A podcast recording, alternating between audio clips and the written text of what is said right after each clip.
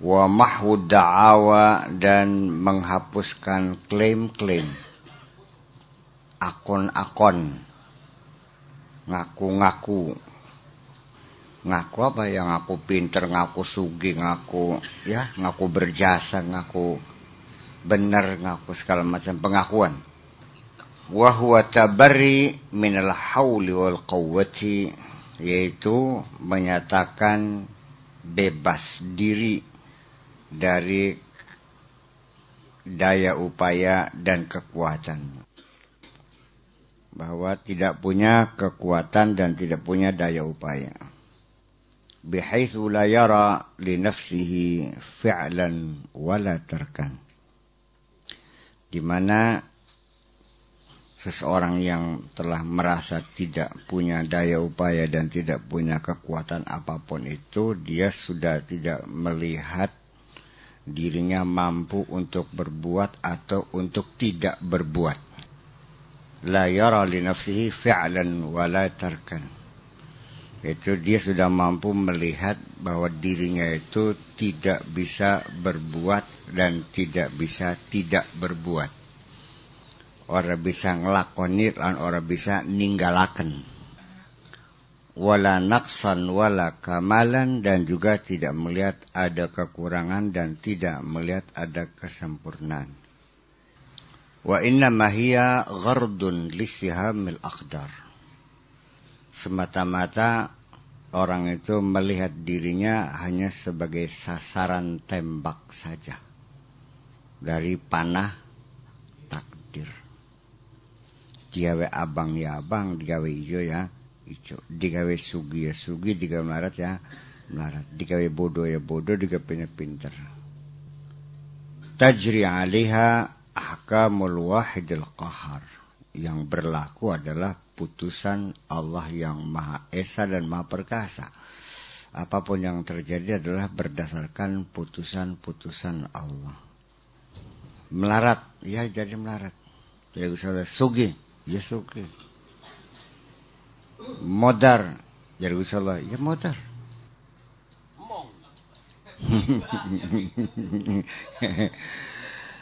Fatahqiqu hadzainil amraini 'alal kamal.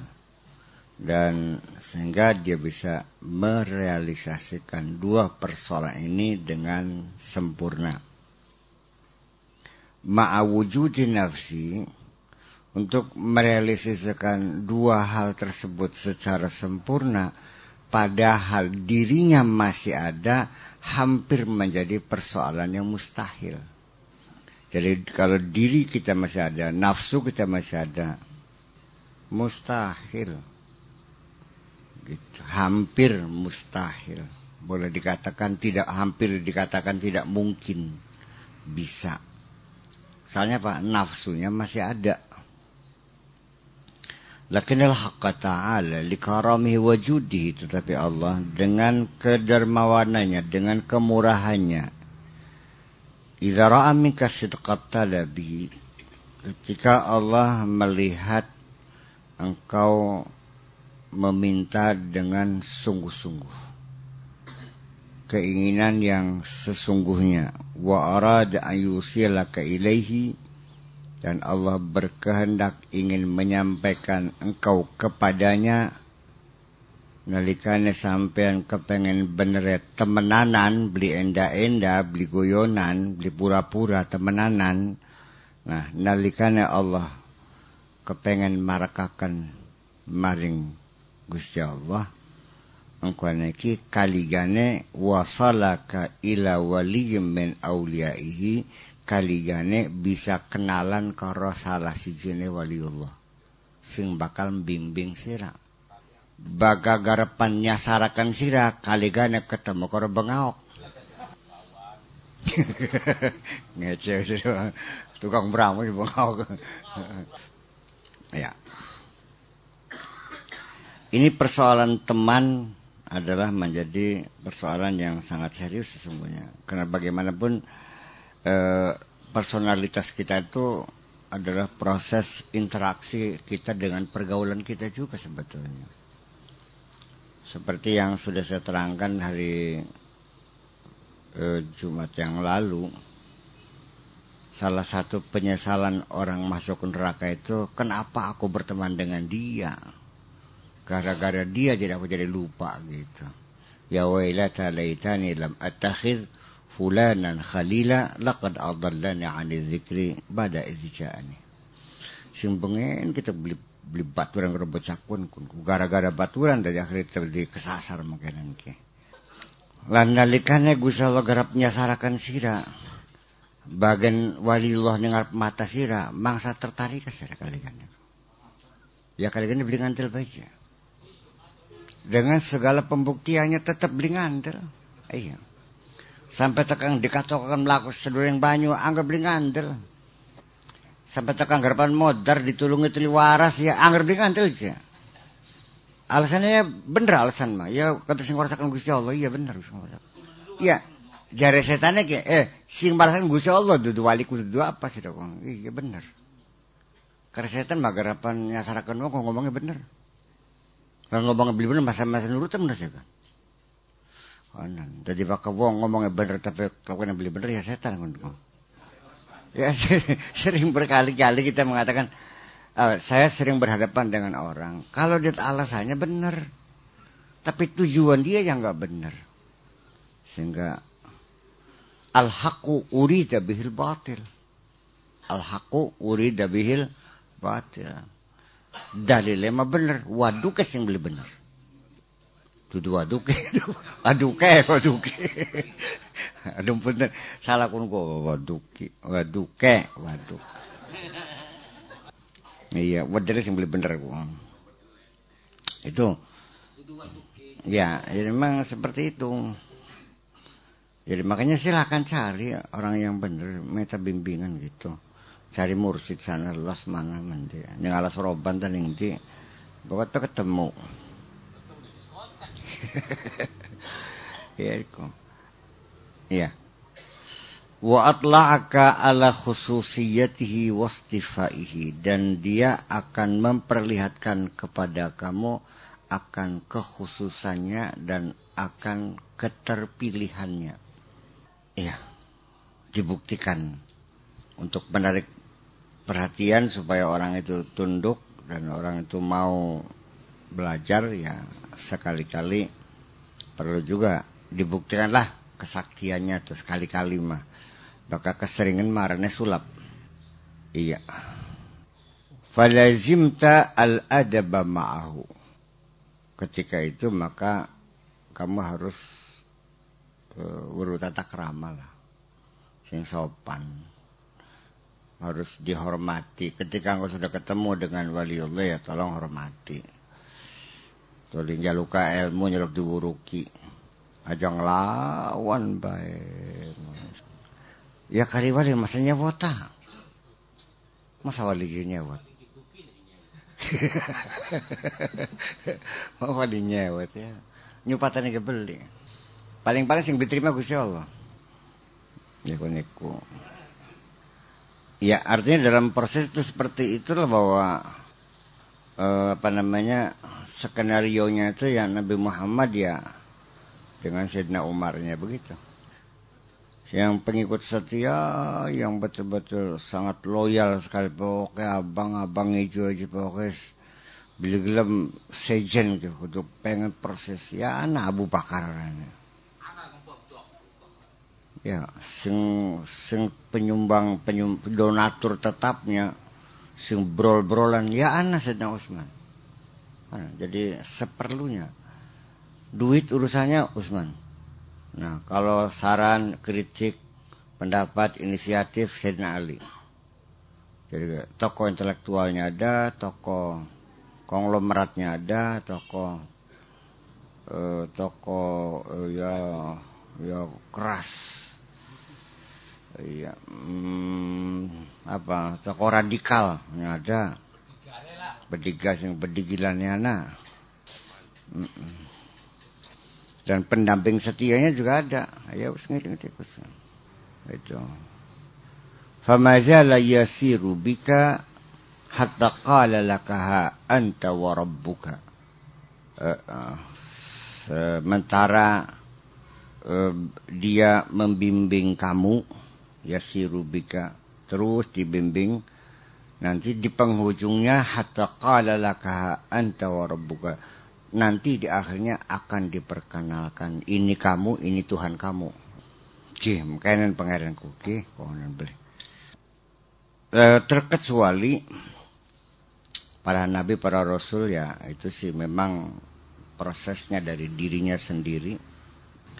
Tetapi kita juga mesti eh, ngaca diri kalau kita proses seperti para rasul juga ya udah berat banget ya. Kayak Nabi Ibrahim mencari Tuhan pontang pantingnya kayak apa? Seperti Nabi Muhammad kayak apa? Mencari sendiri takwa siapa?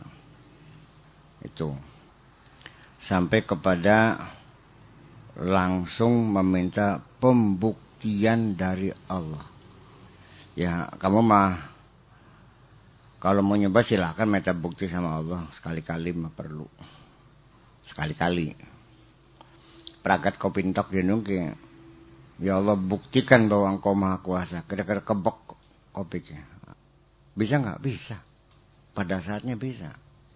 Jadi bukan e, cerita-cerita itu bukan sekedar cerita kosong yang tidak bisa dibuktikan, bisa dibuktikan. Idza tawaffarat lakal asbab. Bila kanat al-asbab mutawaffiratan. Kalau memang segala uh, persyaratannya telah terpenuhi ya sama.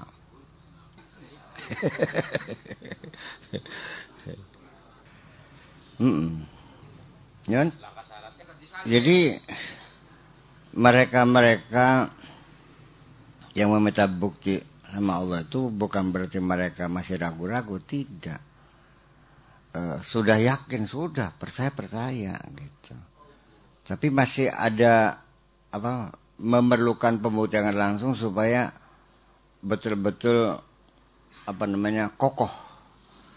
Supaya atau istilah bahasa Quran mas untuk menenangkan hati. Ketika ditanya awalam tuh mimpi apakah kamu masih belum yakin sama aku Qala bala, iya udah yakin. Baliyat ma'inna qalbi. Tapi dalam, supaya hati setenang gitu. Bahwa ia benar bisa. Kefatuhil mauta. Bagaimana yang hidup, sudah mati bisa hidup lagi. Itu kan, jadi mereka itu ingin bukti masalahnya. Semua para nabi rasul ada orang-orang yang telah mendapat bukti langsung dari Allah. Itu ya untuk ukuran kamu malah ya sekalipun tidak pernah mendapatkan bukti langsung gus padu ngandel bega wis untung lah. Asal ketika aplikasi di lapangannya bener gitu sudah selesai. Wahina izin nah ketika itulah yasturul haqqu ta'ala wasfaka.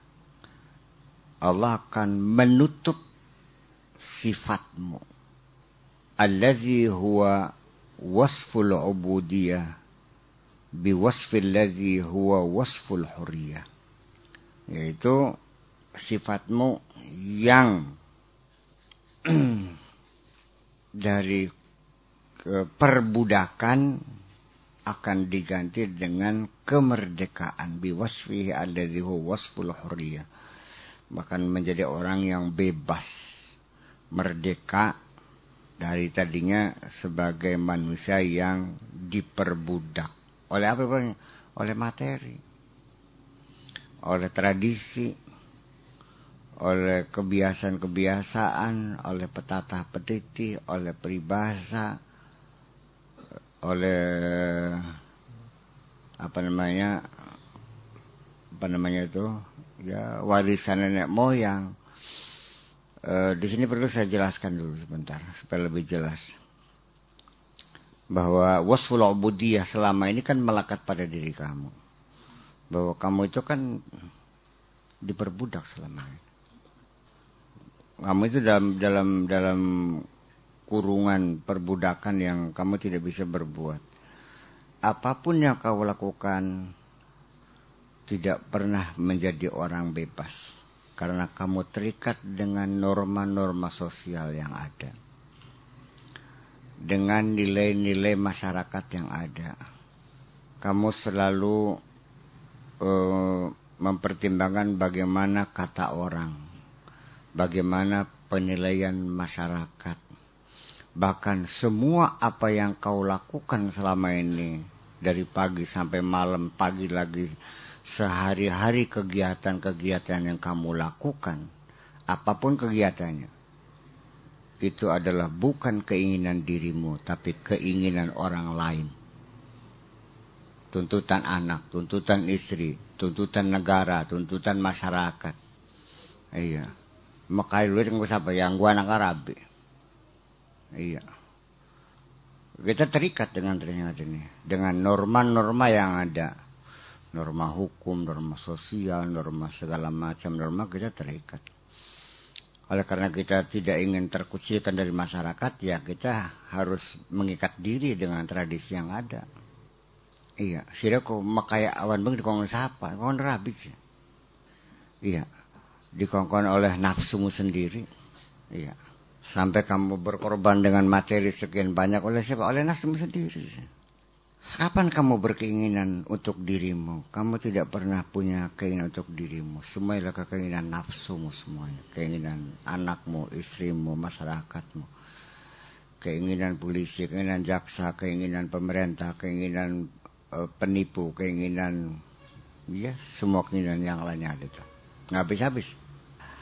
Eh, kegersangan yang pada dirimu karena engkau selama ini sebagai perbudak. Ibaratnya begini, budak itu bekerja untuk majikannya. Ya kon masuk ya masuk, dipantungi, eh, dibedugi, diedoni, ditak-edak ya, nurut, nurut baik. Selama ini kamu kan budak-budak itu. Disuruh apa saja, mau kok. Iya. Eh, yang jadi persoalannya adalah eh, ketika kita menjadi orang yang merdeka itu kapan? فتتحنس أوصاف البشرية أو أوصاف البشرية بظهور أوصاف الروحانية Ketika itu sirnalah hilanglah sifat-sifat kemanusiaan dengan munculnya lahirnya sifat-sifat keruhanian. Wa yughatti aidan na'taka dan juga akan menutupi sifatmu alladhi huwal hudus bina'atihi الذي هو القدم أو غطى نعتك الذي هو العدم بنعته الذي هو الwujud akan menutup sifatmu yang allazi huwal hudus yang uh, sifatmu yang berupa uh, kehadiranmu ya al hudus kejadianmu binatihi berdasarkan sifat Allah alladzi huwal qidam yang yang punya sifat al-qidam artinya terdahulu. Au ataka adam dan juga menutupi sifatmu yang sebagai makhluk yang tiada. Binatihi dengan naatnya Allah dengan sifatnya Allah alladzi huwal wujud yaitu yaitu sifat Allah yang berupa wujud ada. Menutupi sifat dirimu ada lahir di dunia berkah sifat Allah al-qidam dan menutupi sifatmu yang tiada dengan sifat Allah yang ada. Iya. Ada dan tidak ada. Ditutupi. Ditutupi keberadaanmu dan ketiadaanmu ditutupi. Jadi adanya kamu ya karena Allah, tidak adanya kamu ya karena Allah. Jadi sirama ana ya beli, langkah ya beli kan. Ya longan maning, Pak. ya, gitu. Uh, selagi Anda masih berpikir, berarti Anda masih ada. Selagi Anda berkeinginan, selagi masih ada. Selagi Anda masih punya cita-cita, kepengenan, nafsu berarti masih ada. Masih pengen mangan boleh? Ya berarti masih ada. Bakal mulai beli pengen mangan? Bakal wis mulai beli pengen di alam? Bakal wis mulai tidak tersinggung dicaci maki orang? Nah, jadi artinya disanjung cuek, dicaci maki, ya cuek disanjung nggak ada urusan dicaci maki emang gue emangnya gue pikirin jadi disanjung dan dicaci adalah sama tidak memberikan pengaruh apa pun. Iya. Iya. Sekali lagi mari kita uji. Ketika anda dicaci maki orang sakit hati enggak marah enggak kenapa marah? Ya karena Anda masih ada. Karena Anda masih masih ada. Anda dipuji senang nggak? Kenapa senang? Karena Anda masih ada. Anda ini senang dipuji, marah dicaci. Bisa nggak dibalik kira-kira? Senang dicaci. Oke. okay. Eh, bisakah kita belajar untuk tidak tersinggung? Bisa. Bisa. Karena diganti rainnya karo rai gedeg. Rainnya diganti, diganti karo rai, gedeg. Mukanya diganti dengan muka badak. Ya, ya artinya ya nggak ada urusan. Dia tetap tegar. Uh, ini begini. Sanjungan ini memang pengaruhnya besar sekali memberikan stimulasi, memberikan motivasi kepada kita untuk berbuat, uh, untuk mengejar sukses, untuk membuktikan eksistensi kita. Karena ketika orang itu terpuji, itu dalam satu sosial dia naik pangkat sebetulnya. Dari yang tadinya madit menjadi kelasnya naik menjadi dermawan. Ya kan begitu. Kita suci tadinya bodoh menjadi pintar. Nah ini juga konsekuensi masyarakat memperlakukan orang yang terpuji berbeda. Orang yang sebelum naik haji dengan setelah naik haji diperlakukan berbeda. Karena wis lo haji, lewatkah? Kita beri mampir, haji mampir. Orang jadi ramah. Pengen mampuji orang kenal aja. Baru stopongnya putih mah diperlakukan. Termasuk ngilu utang gak gampang. Bakat pakai putih, ngilu utang gak gampang orang andel. Masih bobat wakaji orang. Jadi ada satu sosial ini. Nah ini jadi uh, hudud duniawi keuntungan-keuntungan duniawi memang kita peroleh di belakang uh, sanjungan-sanjungan itu. Dan sanjungan itu sendiri juga pada secara kejiwaan seperti air yang jernih sejuk yang kita telan ketika kita dahaga.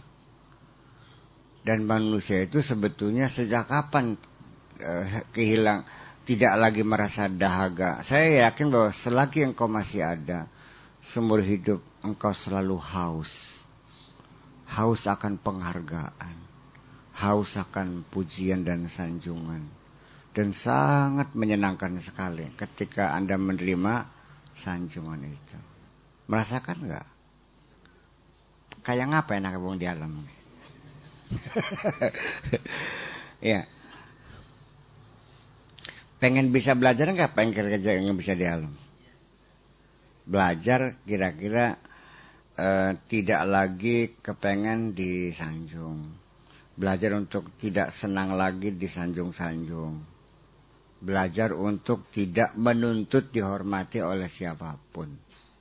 Saya kira ketika kita sudah tidak menuntut penghargaan dan tidak pernah mengidamkan dihormati orang, ketahuilah bahwa biaya hidup kita menjadi murah meriah.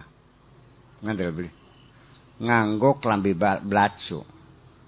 Di poyok ning wong melarat nggak ada urusan mangan keronda sepeda pak eh, wadani medit nggak ada urusan sepeda bodol kerakat krokot geguyu ya langka urusan. Sehingga semuanya menjadi murah. Berapa sih harga baju? Nyong seroal ku anak yang saya terlu tegal buku. Iya. Bayangkan kalau kita punya celana seribu tiga murah meriah kan? Diaran di Edan nggak ada urusan yang menyebabkan biaya hidup kita mahal itu karena kita mengejar prestasi, mengejar sanjungan, baju agogo lima sewu regane nggak ada urusan. Karena kamu ingin disebut orang kaya ya terpaksa bajunya sutra harganya ya lima ratus ribu. Jadi yang mahal itu bukan bajunya. Kalau baju dalam artian sekadar menutupi aurat sih sangat murah sekali. Yang mahal itu adalah penghormatannya umah sim penting aja bocor beres pagar nggak ada urusan iya kan Ya artinya ketika orang itu ketika melihat rumah saya orang sudah tidak mencaci maki lagi, tidak menghinakan lagi. Barangnya sih karena saknya wis kelawasannya kan, beli yang rasananya. Jadi ini rumahnya Pak Kiai Sakur ini.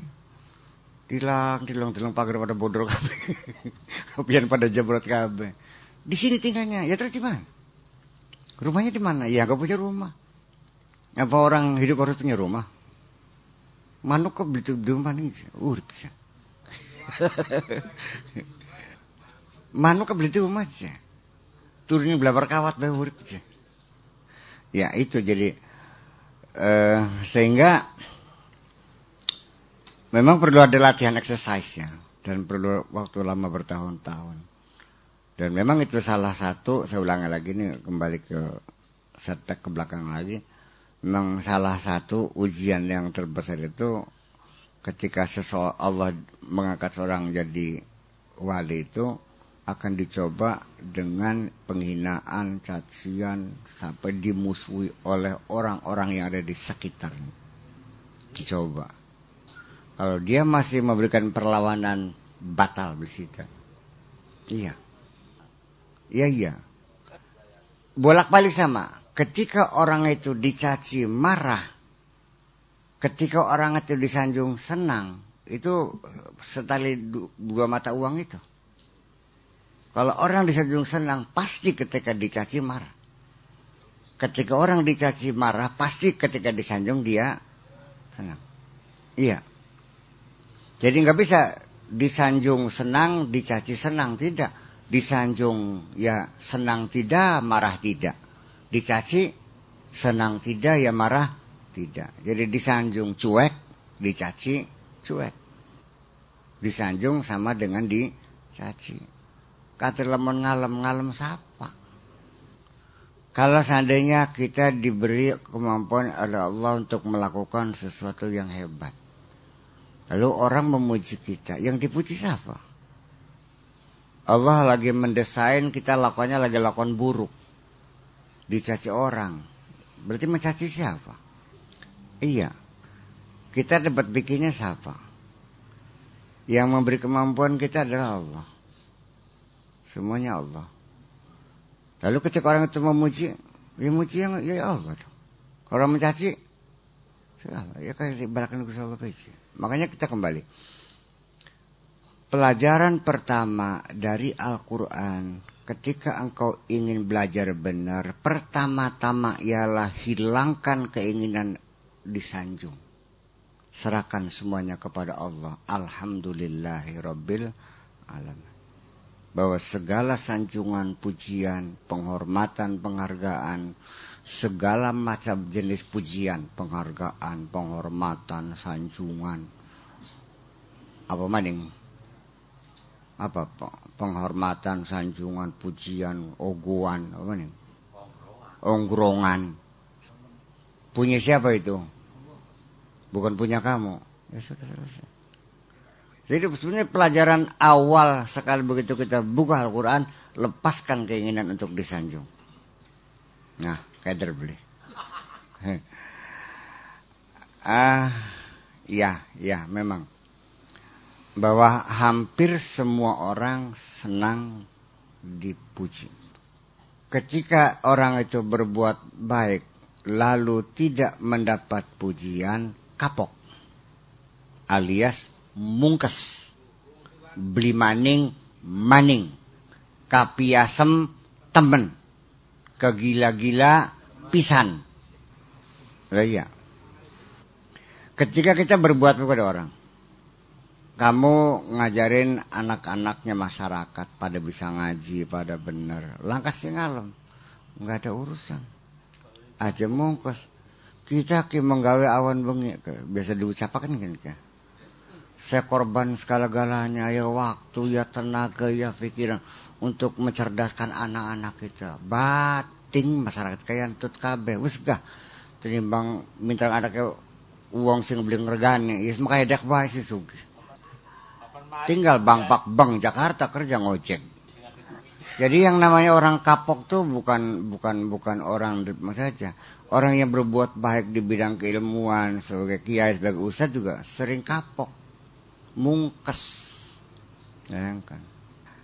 Ketika seseorang itu mungkes, berarti dia berbuat bukan untuk menyenangkan Allah, tapi untuk menyenangkan dirinya sendiri. Sakit hati. Saya, saya bisa merasakan betapa orang itu sakit hati ketika dia sudah bekerja siang malam banting tulang persingkat membela meled-meled sampai membelain uang ternyata tidak ada imbal baliknya pengharga juga tidak malah dengan fitnah fitnah dan sebagainya. Apa nggak pungkas? Mungkas mungkas.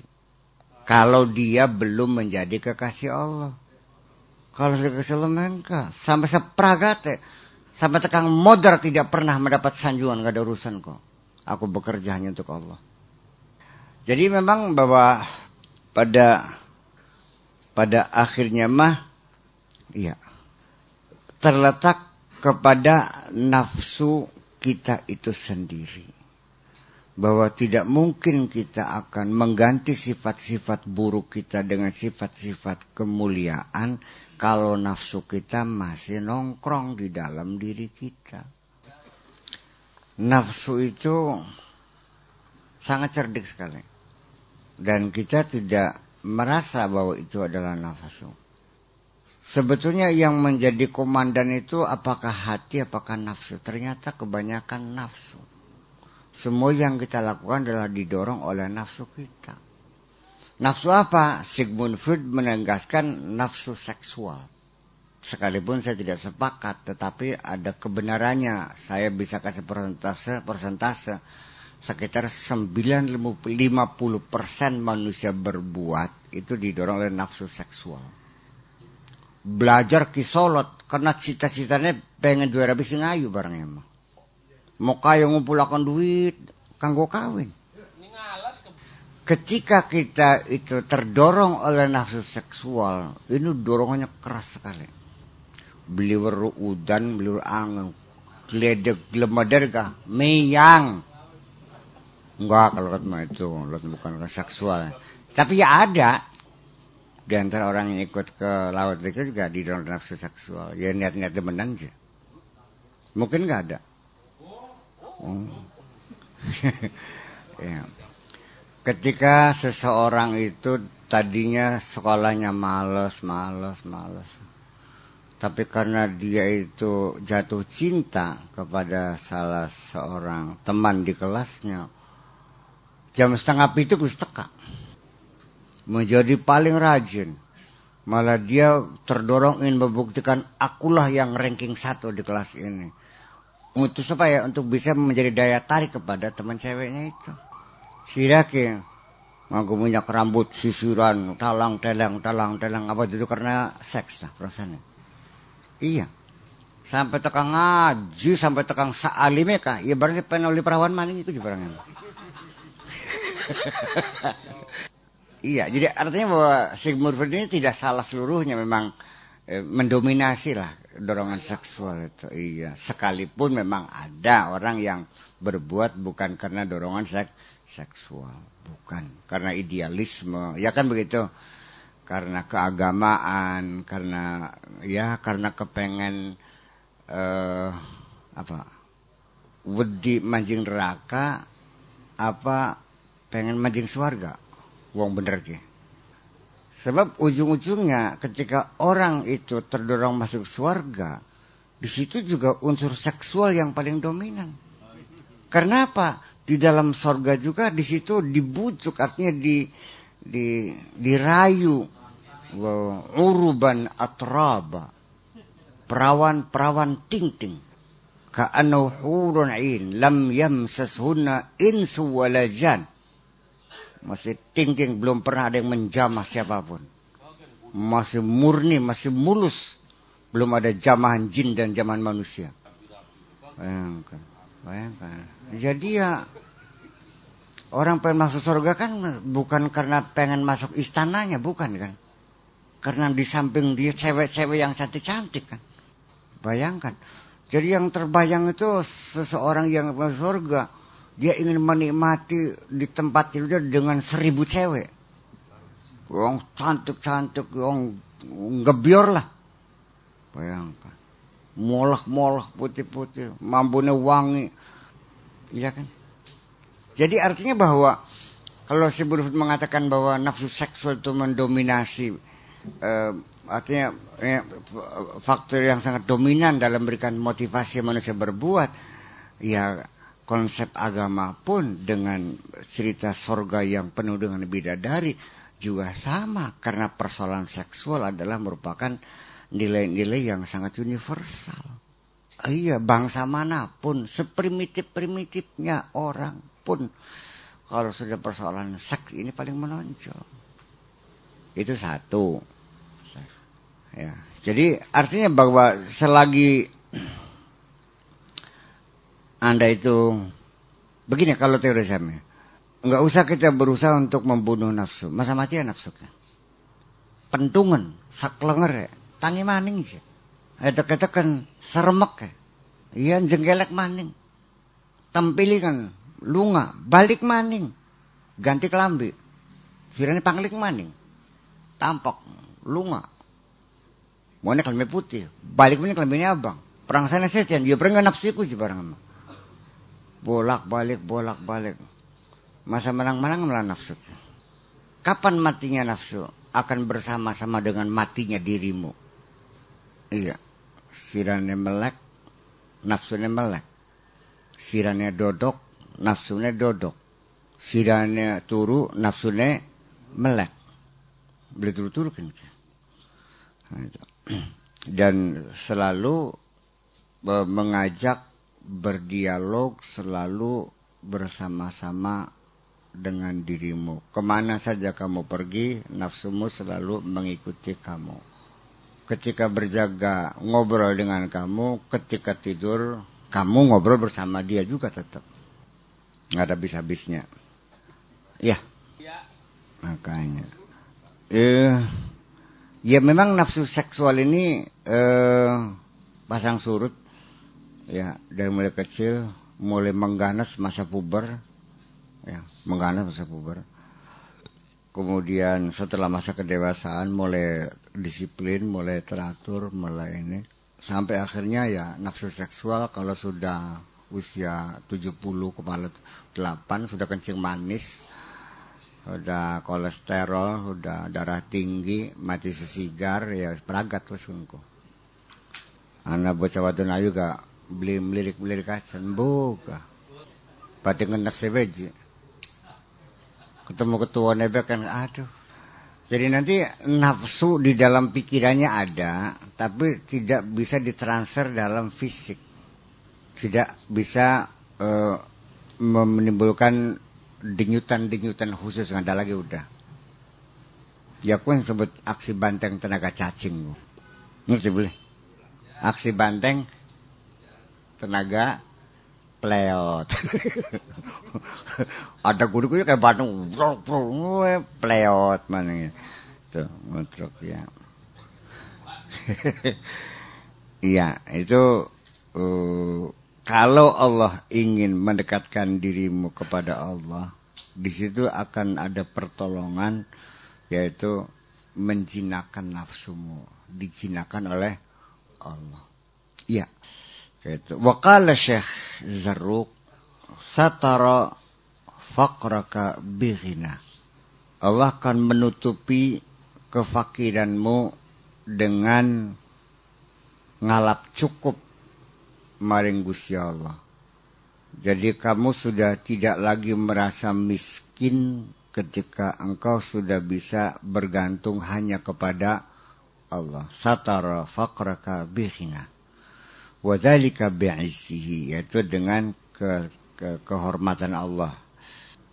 dengan isnya Allah dengan kebesaran Allah wa ajazaka biqadratihi dan akan melemahkan kamu dengan kodratnya kamu akan dibuat sebagai makhluk yang lemah dengan Allah menampilkan kekuasaan Allah dengan cara engkau melihat kekuasaan Allah, timbullah kesadaran bahwa ternyata kamu tidak bisa apa-apa.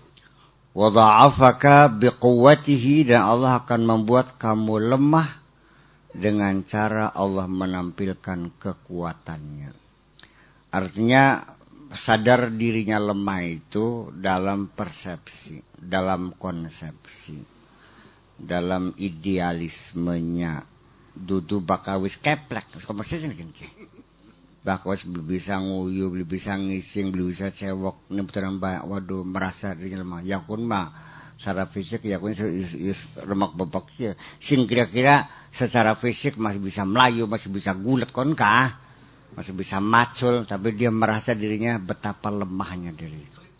Iya. Batang urip batang urip batang Ya ketika sudah begitu ya sudah. Ketika dia bangga dengan aku berkuasa, masa depanmu di tanganku. Iya, berapa sih harganya? Ya ketika itu ya baru sadar. Cewek beli bisa. Melaku beli bisa. Jukut banyu beli bisa. Didulangi sadina-dina. Baru dia itu merasa tidak bisa apa-apa. Sementara dikasih bisa, dia merasanya bisa dewek perasaan. Nah, tetapi maksudnya wada'afaka biquwatihi ini dengan engkau mampu memahami kekuatan Allah, datanglah kesadaran betapa lemahnya diriku. Wa yusarrifuka atau wa yusrifuka an syuhudi dzalika minka Allah akan memalingkan perhatianmu, memalingkan perasaanmu yang tadinya kamu melihat sebagai kekuatanmu. Bisuhudi minhu ilaika bisa melihat adalah berawal dari kekuatan Allah yang diberikan kepada kita. Jadi memang inilah hawla wala ini juga konsep lah wala wala ini juga sebenarnya dapat porsi yang begitu besar sekali dalam membangun personalitas kita nih. Dan memang itu paling sulit untuk meniadakan perasaan mampu, untuk meniadakan perasaan punya kekuatan. Kalau kitanya masih waras, masih jag-jag, angel, maksud baik. Begini, kembali ini. Sementara kita sakretegeng hati pengen nginung kelayap segelas kerenteg kopi mencilak rawud sendok ceg bruk gelas. Gula bruk gelas. Banyu cas kompor mulak cur nginung seruput. Kan kah sementara ini kan seperti kaya-kaya kita ini punya kekuatan kan ini ini sulit sekali untuk orang meniadakan menghilangkan rasa dirinya punya kekuatan sulit sekali ketika orang itu masih waras. Baru sadar dia tidak bisa kalau sudah sakit. Kalau sudah lumpuh baru. Jari bisa gawe kopiku. Tulung dia. Ya Allah gawe dewek. Belum bisa melakukan. Yang belum bisa. Yang dicabut sih bisa. Mau bagaimana bisa aja. Berarti dicabut. Jadi kesadaran kita tidak mampu ini jangan menunggu dicabut. Iya. Sampai seolah-olah dia punya kekuasaan menentukan masa depan manusia. Seorang atasan yang congkak, masa depanmu ada di tanganku. Oh, nan boleh. Iya. Ya makanya harus makanya tetap baik duit mah masa mah tuh bakal beli tak tak tekan kita mah. Kita beli tekan kayak mah tuh beli masa mah tuh serok ya sampai tekang kiai nega nalikane muruge santri punten kini beranggapan sirap pinter kok oleh murukannya kita aja iya beli sira sedang beli duit coba capakan guru sira Limurukane siapa saya bisa ngaji semono kok. ya. Jadi memang iya. jadi memang jadi memang sulit sekali kita untuk meniadakan eh, perasaan bisa, perasaan mampu, perasaan kuasa melekat, lengket. Ada dua hal yang perlu kita cermati. Ketika orang itu me, apa namanya merasakan bahwa dia mampu berusaha, kemudian kan dia bisa bekerja keras, dia bisa mengumpulkan harta, tetap sulit untuk menjadi orang dermawan. Iya, tapi kalau dia merasakan saya diberi kok. Ya akan terpari sing nyukulakan Gusti Allah. Ya sing macul kita, tapi tenaganya kan sing gawe Gusti Allah. Ya medit gue sebab bukan rasa pegel. Iya boleh. Wong bakal lur duitnya gampang biasanya loman. Bakas sing lur kengelan biasanya medit. Ini ini keadaan umum ini nih. Makanya masyarakat pleret yang yang profesi sebagai pedagang atau di Jakarta sebagai pegawai-pegawai yang gajinya besar memperolehnya dengan mudah dan orang yang seorang petani beda kan bakal wong tani ku medik kenapa ya karena ngerasa luruh duitnya kengelan bertempur dengan lumpur ya jadi bulannya bakal sumbangan masjid je. Wong pleret mah piro je. Piro. Rong atus. Atus sewu. Terbayang dua lembar kan. Tapi bahkan yang terima ya mencirok. Aduh, sakintal. Yang terbayang itu sekintal. Karena dia ngitung betapa kengelannya luruh duit rong atus sewu. Lah ya juga itu. Maka agrokultural itu ya rata-rata medit. Terus ya eh, kurang disiplin. Karena dia tidak dituntut dengan kedisiplinan yang tinggi. Artinya masih ada batas toleran lah. Begitu hujan turun juga tidak masih harus hari itu tanam kan. Ya bulan maningnya masih bisa orang. Kumpulan jam 10 ya takkan jam rolas. Biasa. Ya, seperti itulah kira-kira. Jadi memang pada dasarnya karena dia merasa mampu, merasa kuat, sehingga apa yang dia lakukan itu adalah hasil upayanya sendiri, nah sehingga ya itu ngijir. Itu persoalannya. Jadi usarifuka an suhudi dzalika minka ilaika, minka ilaika. Melihat kemampuan dirimu sendiri, bisuhudi ma minhu ilaihi.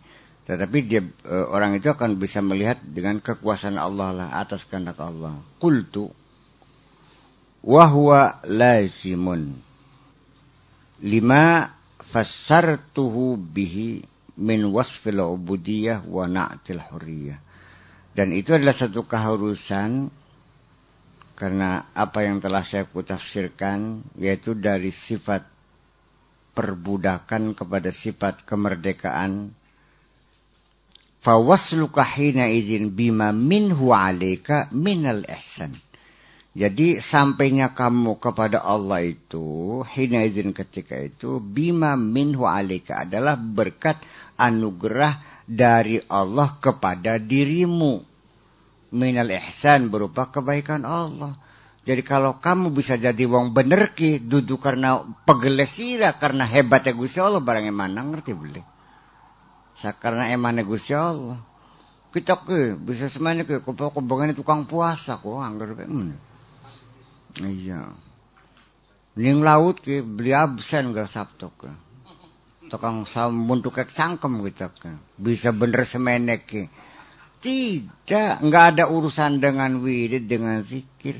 Allah bisa saja melakukan merenggut seseorang dari tengah diskotek langsung jadi bener juga nggak ada urusan. Sekalipun itu namanya jazab ya, makanya disebutnya majzub tidak boleh proses, tidak boleh suruk lagi. Banyak terjadi. Nyung akeh wong bener karena gara-gara nonton wayang sih. Iya kan? Sinetron. Mm -mm. Ya. Wal imtinan. Dan karena lembutnya Allah dan karena anugerah Allah kok. Semata-mata saking amanah Gusti Allah saking malas Gusti Allah ning sira kunku la bima minka ilaihi, ilaihi bukan karena jasamu kepada Allah. Bukan karena upayamu yang kau lakukan. Bukan minal mujahadati wa ta'ati wal izhan wal iz'an. Baik berupa mujahadah atau juga ketaatan dan ketundukan kamu kepada Allah. Mujahadah zikiran wiridan puasa usul segala macam. Oh prangsane tidak bukan itu. Ya karena kita nenek tapi sembahyang lima waktu wan tinggal kau beli abad dia sholat apa tasbih sholat hajat sholat witir sholat segala macam tak lakukan kabeh ora oh sodako yang gajinya beli mari-mari kita. Bukan, bukan, bukan. Nggak ada urusan. Ini ini ini berulang-ulang mungkin setiap Senin saya mengatakan begini nih ya. Sampai ini sekali lagi saya tegaskan lagi. Bukan karena jasa, mau bukan karena upaya, mau bukan karena kesungguhan kamu, bukan karena banting tulang kamu, kerja keras kamu, peras keringat kamu, nggak ada urusan. La bima minka ilaihi. Bukan karena jasamu kepada Allah enggak ada kok. Gitu. Wa misalu nafsi kal fahmati. Nafsu itu umpamanya kayak areng nafsuki. Kulama ghasalta habis sabun semakin dicuci sama sabun zada sawadu tambah blarat pisan irengnya tambah ireng pisan Hmm, sudah mah arang jadi bahas. Ya tambah disabunin tambah ireng, tambah muntuk ireng kabeh perasaan di sini. Gitu. Wa idza sta'alta fiha nar, wa idza sta'alat nar, tapi lamun dibakar karo geni wa nafakha fi ruh rih tuli di empos dikipasi kasat hanar sapu oleh api tadi walam yabqa lil launil fahmati fiha asar. Warna hitamnya arang tuh udah udah nggak ada bekas jadi awi awi irang jadi putih dah wis. Jadi kudu diobong no nafsuku barangnya sisan dibakar sisan. Itu Fakadzalika awsaful basyariyati demikian juga sifat-sifat manusia. Idza kasaha nurur ruhaniyah. Kalau sudah mulai ditutup eh, dengan nur keruhanian tagattat zulmatul basyariyah kegelapan kemanusiaan tertutup semuanya. Walam yabqalah asar sudah enggak ada bekasnya lagi. Fatan qalibul basyariyah fi sifatin ruhaniyat kemanusiaan kita akan berubah akan menjadi keruhanian uh -uh. wa fi dzalika yaqulu syastri في بعض أزجاله رجز يا أزجاله فمتى يبين لي زالت البشرية semakin jelas cahaya itu kepadaku zalatil basyariyah kemanusiaanku menjadi hilang. Wa tahawwalat ghairi dan berubah menjadi bukan aku. Fi safa ruhaniya dalam kejernihan ruhani tadi.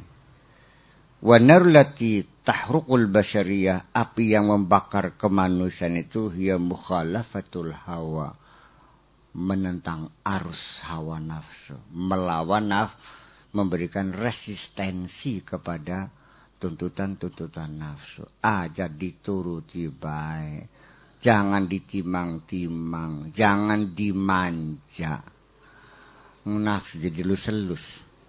Dituruti baik, sanjaluka dituruti kabe. Iya. Dan di penghujungnya akan menjerumuskan kita. Dilawan. Iya. Watahammulun nafsi ma yaskulu alaiha. Dan kita belajar untuk memikul yang berat belajar bertahan untuk menahan segala beban yang ada. Iya, belajar kokoh, belajar teguh. Kazulli wal fakri, siap jadi hina, siap melarat. Wa nahwima. Ma'adawami zikril ismil mufradi, kita tidak pernah lepas selalu menyebut nama Tuhan yang Maha Esa itu. Iya konon. Artinya, artinya eh, tahan bantingan perlu perlu otot kawat balong besi tahan banting iya iya sira be bakal rabi rabi sing siap melarat enak no.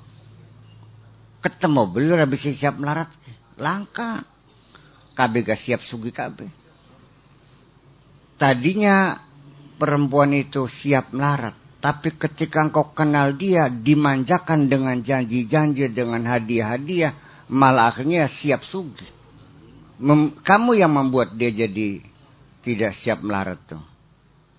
Pula nega aja lo bodoh. Bakal melarat ngaku gitu kok melarat beli dia apa apa gitu enakin bahaya barang siji dua. Iya bagian baru kita melarat ya bagian udah. Anak ini di tengah perjalanan kamu kaya ya urusan lain. Jadi kadang-kadang kari bahan mah toko sing toko sunil tuh mah mungsi dan sing jahit sing beli bener ke barangnya nyengkal nih nyengkal lagi jahit sing beli bener iya. Iya makanya. Jadi memang uh, belajar untuk tahan banting. Memberikan resistensi perlawanan keras terhadap hawa nafsu. Siap melarat siap hina. Fakullama fana fihi zabat basyariyatuhu. Semakin fana kita tenggelam dalam hidup ini akan lumerlah kemanusiaannya. Wa qawiyat dan akan kuatlah rohaninya. Hatta tastauli ala basyariyatihi sehingga uh, ruhani kita bisa menguasai e, basyariah kita, kemanusiaan kita.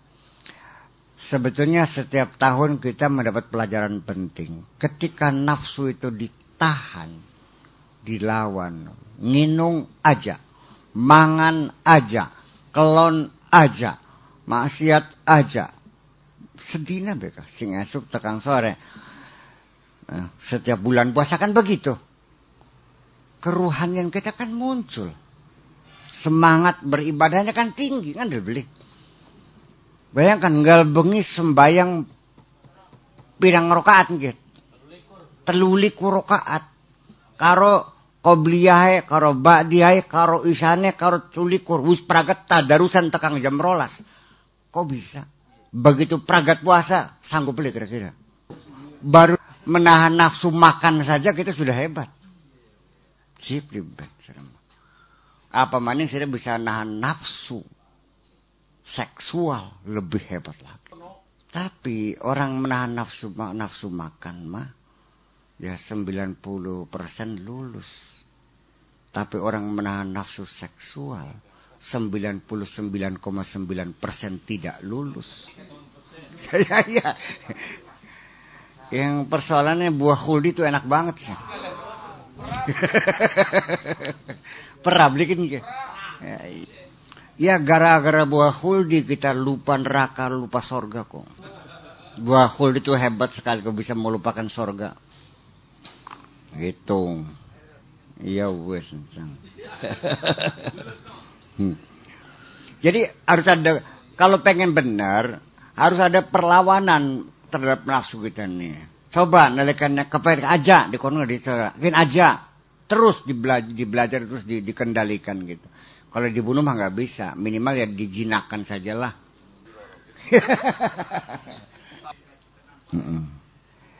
Fahina idzin yakunul hukmu laha fataghibu fi nuri mazkuriha.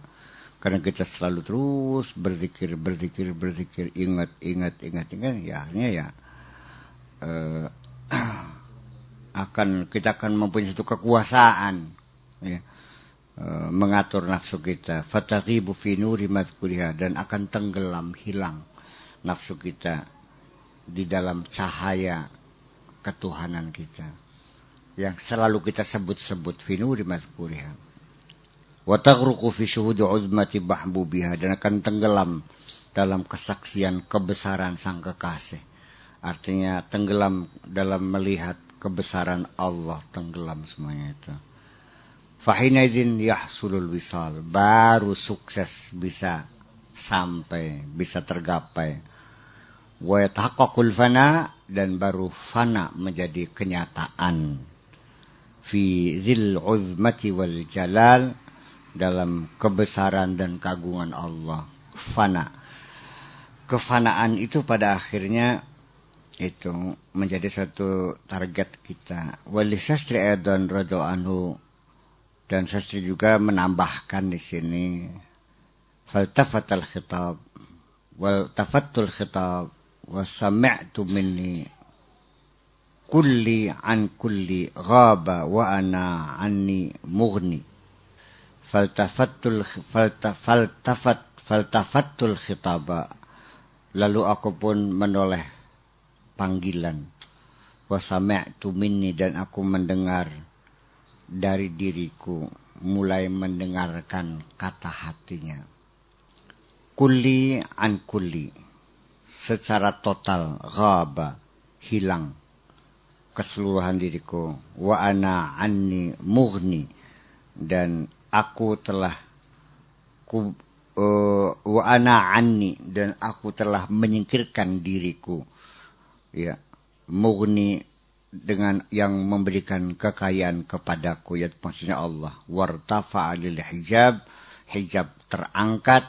Syahidu anni mabaqiya li asar. Baru aku menyaksikan bahwa aku sudah bislangka entut entut can kita.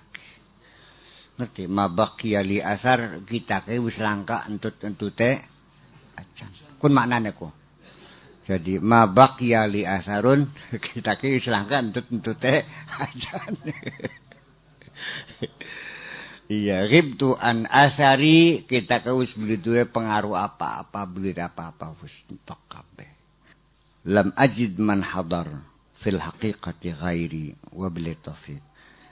Saya tidak menemukan man hadar orang yang hadir fil haqiqah ghairi pada selain daripada aku wa billahi taufik hadza akhir bab salis asyar kinki wis akhir kelas telulas Kelas pira no saya kono? Setelulas nggih wis. Nah iya, pelagat tinakin wis pelajaran terakhir. pelajaran iya, kelas 13 sudah selesai dan kita pada akhirnya adalah tergantung depend on. Tergantung kepada dirimu maukah uh, berupaya untuk mengendalikan nafsumu. Mampukah engkau memberikan perlawanan atas segala keinginan-keinginan nafsumu. Yang selama ini siraku nun bae, kula nuwun bae, enggi bae, nurut bae, dientu entu nafsu kagelem bae, goblok temen. Kon, ngalor ngalor, kon ngidul ngidul, kon turu turu, kon kawin kawin, sakren tege nafsu kabeh. Iya. Dan salah satu untuk meningkatkan kemampuan kita memberikan resistensi terhadap nafsu kita ialah dengan yaitu memberikan perlawanan kepada naf nafsu. Pengen mangan aja. Pengen minum aja. Pengen kelon aja. Tekan terus lawan. Nah, baru ruhania kita menjadi muncul. Baru ruhani kita punya kekuatan kalau nafsu terus dituruti, ya sesuku lemur nafsu. Ruhania sing gering. Gulet. Ya tampak blak lenger rohani siraku. Ngelemokna nafsu. Semua keinginannya dituruti. Ya. Dan di penghujung ketahuilah bahwa nafsu itu apa sih? Tidak pernah mengajak kebaikan kok. Semua yang kamu lakukan pada akhirnya adalah untuk nafsumu. Rona. Pengen dua anak, ujung-ujungnya untuk nafsumu. pengen kawin untuk nafsumu gawe umah untuk nafsumu pengen sugi untuk nafsumu gawe masjid untuk nafsumu gawe madrasah untuk nafsumu sembayang untuk nafsumu sampai tekang puasa ya untuk nafsumu. Ngaku lagi ngemat bahasa wadon pengen kah angel temen. Nah enggak. Uh, punten kembali kepada persoalan nanti mengulas tentang dipuji tadi bu ya. Mm -mm. kali saya belum paham tadi atau kurang jelas. Mungkin uh, saya ini termasuk kelompok yang bagaimana gitu. Mm -mm. artinya ada yang di uh, ada yang kelompok yang senang dipuji artinya itu mungkin uh, benci terhadap orang yang mengejek mm -mm. atau ada yang senang disanjung dan juga ada mungkin juga senang dipuji mm. atau senang diejek. Nah, mungkin juga ada yang tidak senang disanjung, nah, senang diejek. Atau tadi dikatakan bahwa uh, senang diejek ataupun dipuji tidak ada urusan. Atau iya. mungkin juga ada kelompok uh, yang senang dikritisi atau diejek gitu. Itu makomnya gimana Bu? Ada klasifikasinya enggak? Ya, ada ada sih pembetulan bukan dikritisi itu bukan diejek ya. Dikritis itu bukan diejek. Ditegur itu bukan diejek. Diluruskan bukan diejek. Nah ini kadang-kadang kesalahpahaman pangarap penguasa. Dialog akan ke desa yang disangan yang ngece. Goblok tapi pinter pun kok si Rene Perong tapi eh no Rene Perong kesuuntannya buat bokatnya buat nah pejabat ku rata-rata mengkono kok ngurene perong dilakukan nyewot ngecir eh perong ngecir malam bertepisan iya jadi kalau mengkritisi mah kita juga sering mengkritisi karena dirong oleh idealisme kita saya kepengen supaya keputusan-keputusannya itu kira-kira menguntungkan masyarakat dong ya kan kebijakan-kebijakan dari mulai mengalokasikan anggaran-anggaran belanja ya. Kenapa sih prioritasnya nggak pendidikan dulu? Iya kan? Kalau pendidikan kan yang menikmatkan banyak. Iya kan? Tapi kalau subsidi BBM kan yang menikmatinya orang kaya. Ya uang sih beli mobil sih kapan menikmati subsidi BBM? Uh, makanya ya, oh, sebentar ya. Uh, sebetulnya kan ada satu persoalan ini. Uh, di wawancara di salah satu TV Metro TV itu Pak Yusuf Kala kan mengatakan bahwa berupaya untuk tidak mencabut subsidi BBM tetapi dengan menekan konsumsi BBM ikut enggak waktu masyarakat sehingga nanti dibatasi sekian liter penggunaannya itu tuh ini ya punten dengan segala hormat saya kepada beliau masih mending gak ya dicabut BBM subsidinya daripada menekan konsumsi. Kalau menekan konsumsi, mematikan pertumbuhan ekonomi. Gimana lagi?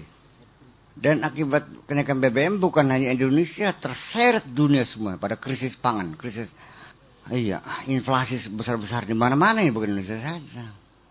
Iya, jadi ya masih mending ya e, lalu akhirnya Sofyan Wanandi mengatakan ya sebaiknya saya pendapat malah saya sependapat dengan Sofyan Wanandi ya dicabut BBM, harga BBM naik, tapi ya jangan sekaligus, secara bertahap gradual. Naiklah 5% dulu, nanti dua bulan 5% lagi, kan begitu. Lah ya iya, ya habis gimana ya kadang begitu. Jadi penggunaan BBM semakin meningkat ini bukan satu hal yang membahayakan. Sesungguhnya ya bagi saya menggembirakan ketika BBM itu konsumsi semakin meningkat. Itu satu indikator bahwa ekonomi menggeliat. Paham belikan yang beri teman jadi yang jadi persoalan kan bukan persoalan harga.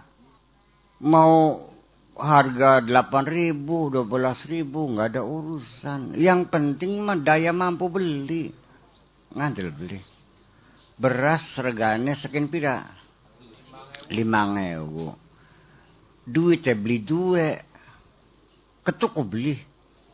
Regane sejuta tapi sekiranya dua duit tak ketuk beli. Yang penting kan bukan masalah harganya daya mampu belinya Yang saya di London aja sarapan-sarapan pagi-pagi nih, sandwich, sandwich roti, dawas meneki sa, ya selengen meneki, di sigar tengahnya, di pere di sambal, tulis ceplok endog. Harga ponsel mau dikurus kah, dikurus rupiah kah, 80 ribu sekali sarapan, roti sakepel. Tapi yang ning karena wong daya punya tinggi, ya bisa ketuku kapit sih.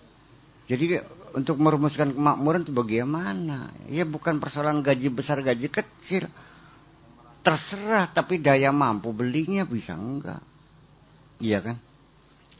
Itu persoalan. Iya, ya mudah-mudahan saja beliau bisa ngalah lah. Masih bagus pendapatnya Sofyan Wanandi sebagai ketua Asosiasi Pengusaha Indonesia. Ya, Sofyan Wanandi. Ya, CSIS kan. Itu. Jadi e, nanti pada penghujungnya itu kembali. Jadi nanti menjadi persoalan bahwa ketika pejabat itu dikritisi marah, ya itu sih ya salah sendiri. Karena mengkritik bukan mengejek.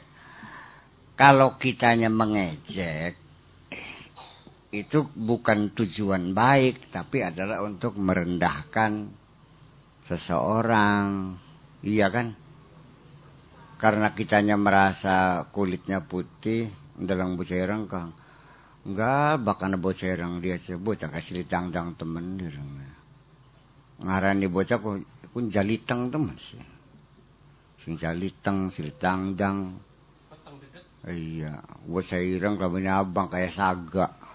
Ya ada tetangga kaya nyumbangnya lima ribu. Ya sawah telung puluh hektar nyumbang lima ribu. Ini meditku teman-teman ya Begitulah sifatnya mengajak, menghidam, mencaci maki orang itu. Kita semua juga, saya yakin semua orang juga tidak ada yang senang dijelek-jelekin. Uh, ketika kita kepengen disanjung dalam batasan kemanusiaan normal, masih dalam batas kewajaran manusia. Bahwa orang disanjung itu senang. Iya kan?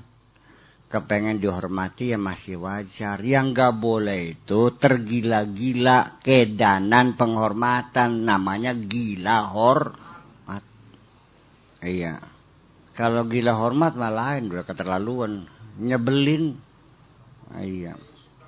Iya jadi ya yang jadi persoalan ya eh, batas kemanusiaan masih wajar.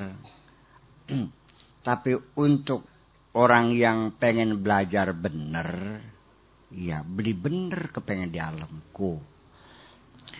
Sebetulnya kalau kita mengikuti ikrar awal saja, katanya kan mengatakan bahwa segala puji milik Allah. Alhamdulillahi Rabbil Alamin. Alhamdulillah utawi sake puji ikulilahi tertentu kadwe gusti yakin beli jaga usul kabeku jadi ketika kita ingin dipuji kan berarti rebutan karo Gusti Allah kan gitu. Wani sih rebutan ya. Pokoknya seru-seru baik. Lalu atas dasar apa kamu kepengen dipuji? Jasa. Di mana jasamu? Ya kan kita nyumbang, oke. Okay. Apa yang kamu sumbangkan? Uang. Dari mana kau peroleh uang? Ya udah pari. Dari mana kau dapatkan pari? Ya oleh nyawa oleh kengelan, oleh pegel, wah kita punya apa kok, iya. Ya kan begitu, alasannya ujung-ujungnya kan karena mengklaim aku yang berbuat. Reasoningnya ada gitu. Ya karena dia menjalani kok. Dia ke sawah ya macul ya apa namanya uh, nyemprot yang ore ya yang ya segala macem lah. Sama tengah sang gebot dia sa gotong rumah ngerasa pegeleka. Menurut dia. Ya tapi ketika kita kita kita uji material, uji material kan gitu. Langsung iya, ibu kelaya uji material. Uji kelaya kan saya jadi gue sih. Kerja fit and proper test kemarin juga. Bukan bibit yang kamu sebar bikinnya siapa? Disebaran ingin di ya ning sawah. Lemah digawene siapa? Tulis sing nyukulakan siapa? Di nih ora iya. Sing udunakan udan siapa?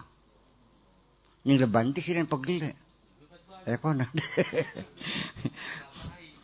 Jadi artinya ketika orang itu mengklaim dia berjasa, itu dalam dalam saat yang sama nyingkur Gusti Allah barangnya. Nyingkono letak beli bener aku. Nalikane nyingkur Gusti Allah. Wis contoh material kene contohnya pondok cadang pinggan. Iya beli. Taryono mengklaim. Ora ser kowe nak kene ku mondok kari atus kari bareng inung karana.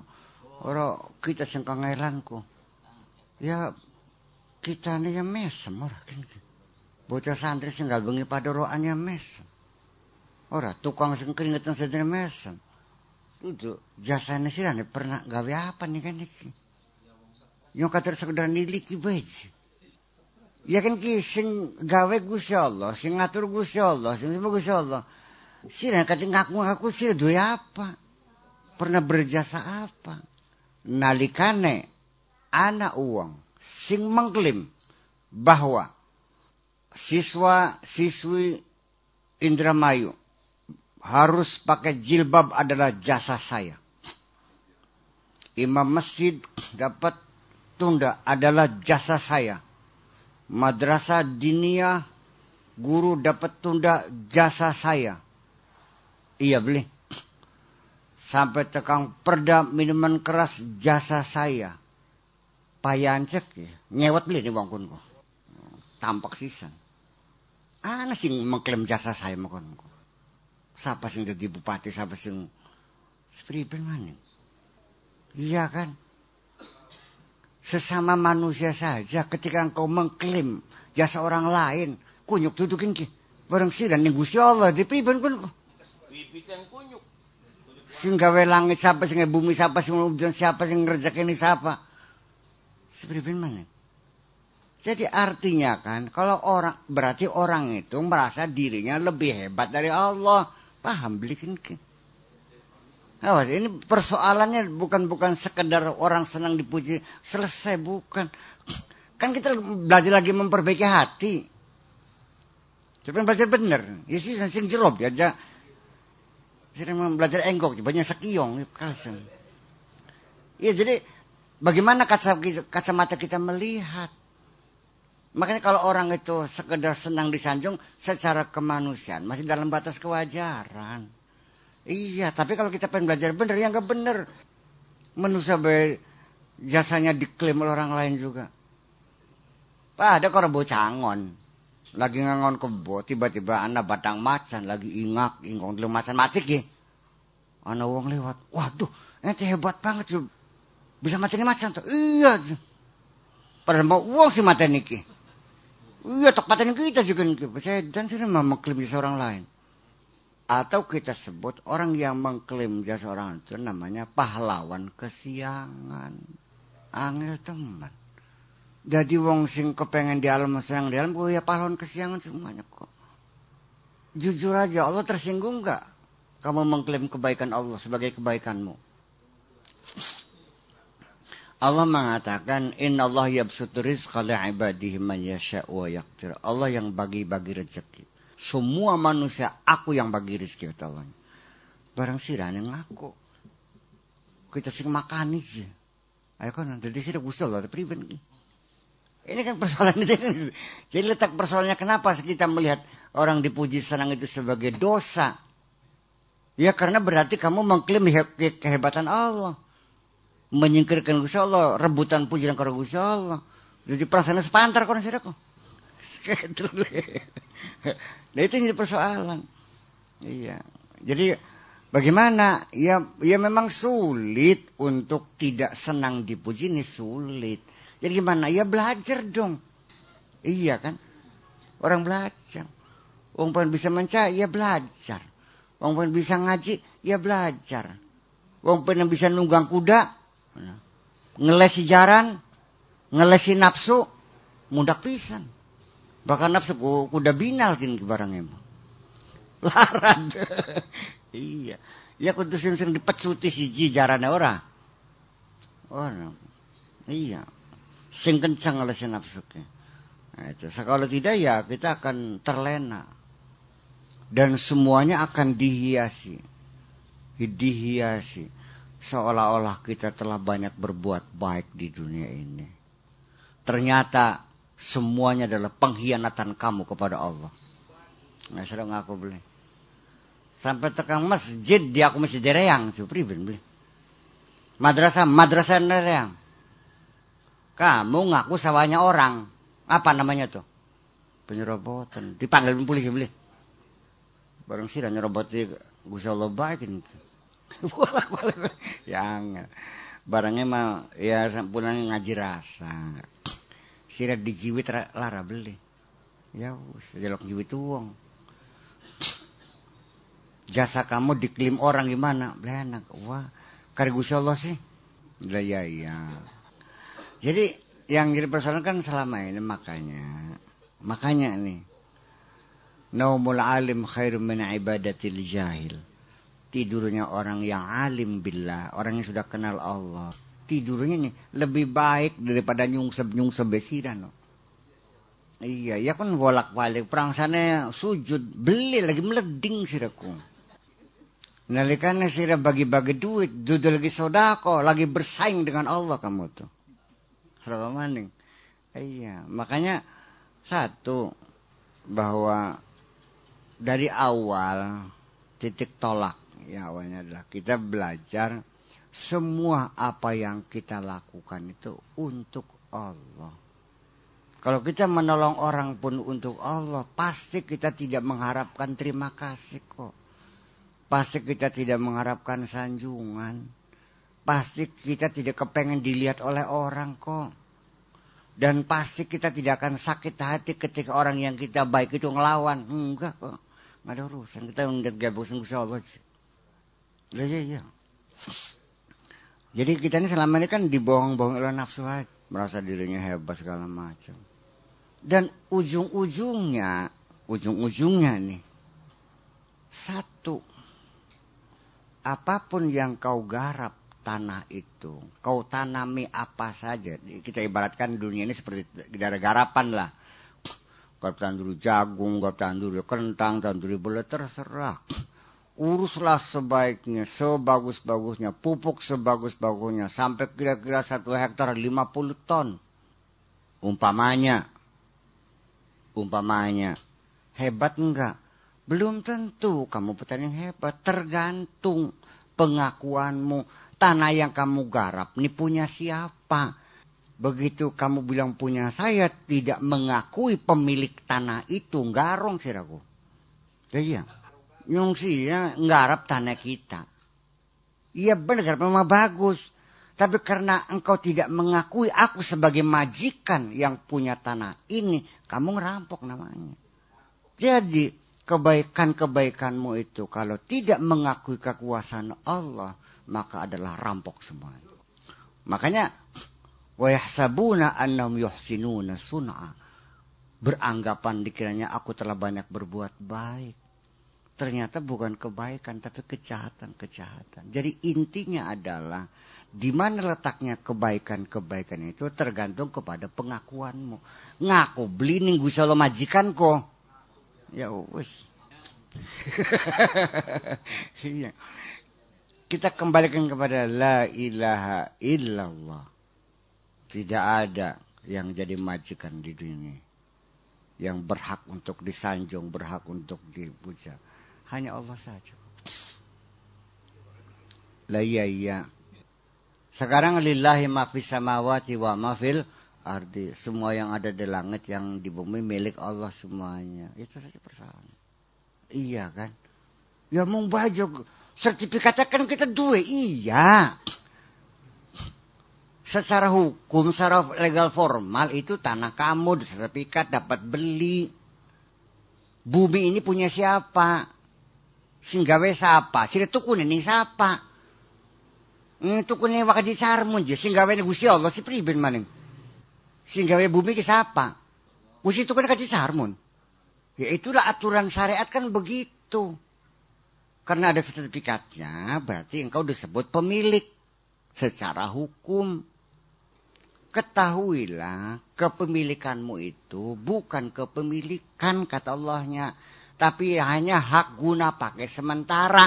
Sementara masih urip, Bak wis modar metak cukut maning jadi Gusti Allah siraku. Paham-paham bangku. Sampai tekang badannya sira, ambakannya sira, sikile sira. Kini fasilitas-fasilitas ini kuciptakan untuk memberikan fasilitas dirimu. Itu pun sementara ada kontraknya. Sudah habis kontrak, ku cabut semuanya. Jadi kalau kita sudah berbicara masalah hakikat, jangan pakai stikiat syariat. Beli ketemu kan ya? Iya, angel kan ya. Beli kentuk-kentuk. Yung sila ma, singkanya tekang makaja pirang kilometer ngaku garisan, ya pragat mungkin mah. Sama tekang motor ke masa teka-teka ngaku garisan mah. Iya kan? Iya, iya. Jadi ya pakai apa? Pakai pesawat kan gitu. Speedometernya berapa jam ke sana? Oh, empat jam. Satu jamnya seribu kilometer. Berarti empat ribu ke konon beli perkalian aku. Baru ketemu.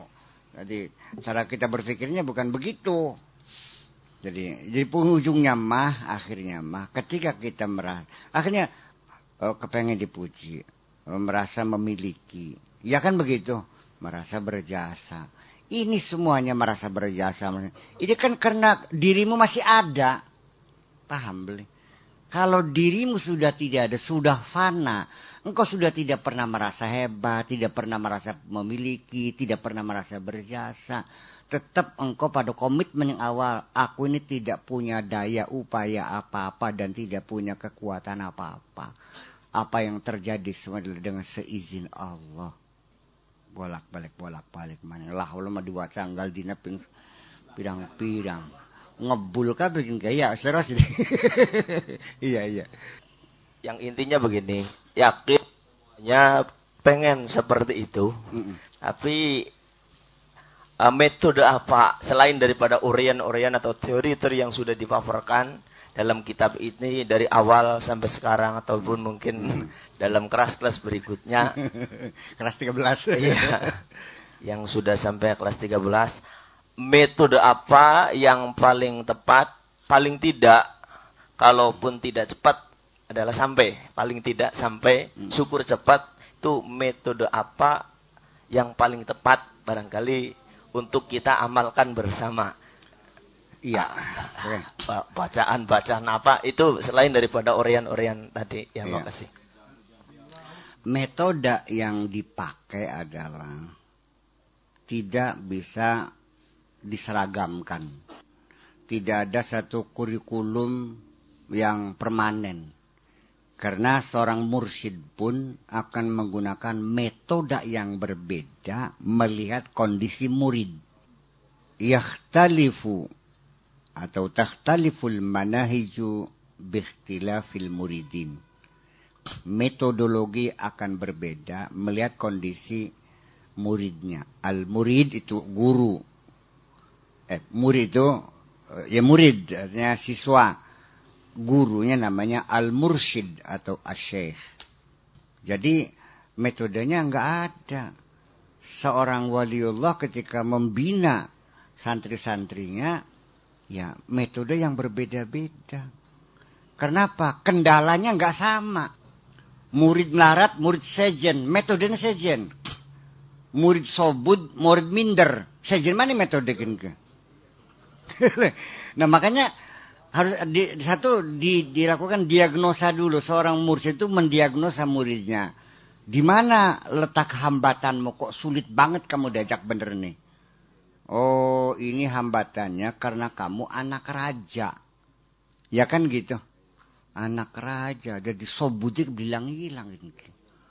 oh metodenya bagaimana menghancurkan dirinya itu disuruh pakai baju compang camping bawa kacang digandulaken ning gulune sekandek ya beli.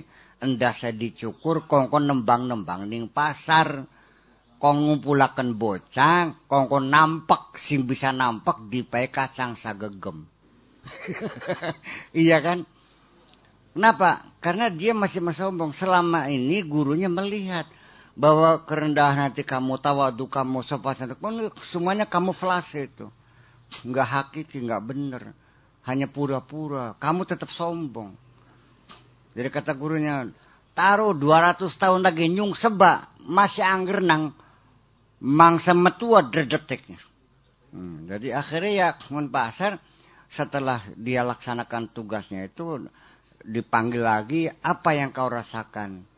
Dia jawab aku sekarang baru merasakan sebagai makhluk yang hina. Jadi selama itu dia masih bangga aja. Iya kan? Nah konan wong sugi sejen maning metodenya. Murde melarat iku. Blesak pisan. Iya. Ya metodenya sejen. Kalau orang sudah miskin, jelek, ya kan anaknya rakyat jelata, yang nggak perlu dibina untuk merasakan terhina dong, yang sudah terhina kok. Ya kan, malah sebaliknya dibangun percaya dirinya kan begitu. Iya, tapi percaya dirinya bersumber daripada keyakinan kepada Allah yang maha kuasa, kuasa kan dibolak-balik. Bahkan murid kiai ilmunya luas, sombong yang ngundake wong sugikin ki. Sejen mana caranya kan gitu. Jadi tergantung kepada mursyid itu sendiri. Ya kan begitu. Dan biasanya juga kalau mursyid itu yang menjadi murid itu biasanya pada umumnya terbatas. Ada yang membatasi 40 orang, ada yang membatasi 10, ada jadi kelas-kelas kecil lah. Karena kelas kecil lebih efektif daripada kelas gemuk, betul nggak? Kalau sekelas muridnya 50 hambur nih, nih. Yang paling efektif murid itu 12 paling banyak, 10 idealnya. Wus kunku. Ya kan begitu. Nanti kalau sudah tamat satu boleh terima satu kan begitu. Biasanya begitu. Nah kalau di cadang pikir mana? Eh, cadang pikir yang saya bukan mursyid bukan apa kok. Saya mah baru pendekatan-pendekatan rasional aja dulu. Kudir penduk ini kita. Iya, iya. Punten Bu ya. Hmm. Menurut uh, pengamatan atau apa bahasanya sebenarnya tinggal ada pengarahan yang lebih tepat. Hmm. Saya yakin semua murid-murid yang aktif ngaji ini semuanya sudah ingin ke sana dan Orian untuk penataran mengarah ke situ juga yakin semuanya udah paham atau mungkin ada setengah paham. Ada, ada yang belum paham juga. Ada juga yang belum paham-paham. Pasti itu, Pak. Uh, tentang metode yang saya pahami sebenarnya sudah sudah ada dan sudah dilakukan seperti uh, metode di alas itu sebenarnya menurut kesimpulan saya walaupun hanya baru dua malam saya merasakan di tengah alas iya, iya. itu sebenarnya su sudah sangat efektif untuk belajar memerangi hawa nafsu kita iya. atau menghilangkan kebiasaan-kebiasaan kita iya. kebiasaan berfoya-foya kebiasaan berpakaian sederhana iya. kebiasaan uh, berhubungan dengan uh, masyarakat umum itu kalau memang orang yang cepat paham mengarah ke situ iya. hanya penataran-penataran yang lebih khusus mungkin Nah, karena saya alami sendiri secara pribadi dua malam uh, di alas itu sudah banyak uh, mengandung pelajaran-pelajaran yang sangat berharga. Hanya satu mungkin belum ada pengaraan yang secara khusus sehingga ada bulkhulwahnya itu masih masih sangat ya sangat kabur gitu. Iya. ya makasih. Iya, memang jadi dulu ketika saya masih belum banyak kesibukan itu saya langsung uh, terjun. Jadi uh, mereka puasa 40 hari, saya juga ikut puasa 40 hari. Ketika mereka itu satu minggu tidak makan, tidak minum, tidak tidur, saya juga ikut puasa seminggu tidak makan, tidak minum, tidak tidur. Pegangnya 40 hari, tapi nggak ada kuat sih. Nambah seminggu sih kuat kok. Ya, puasa apa Kita nongkrong ya, bukan anak apa-apa, tanggung jawab kita.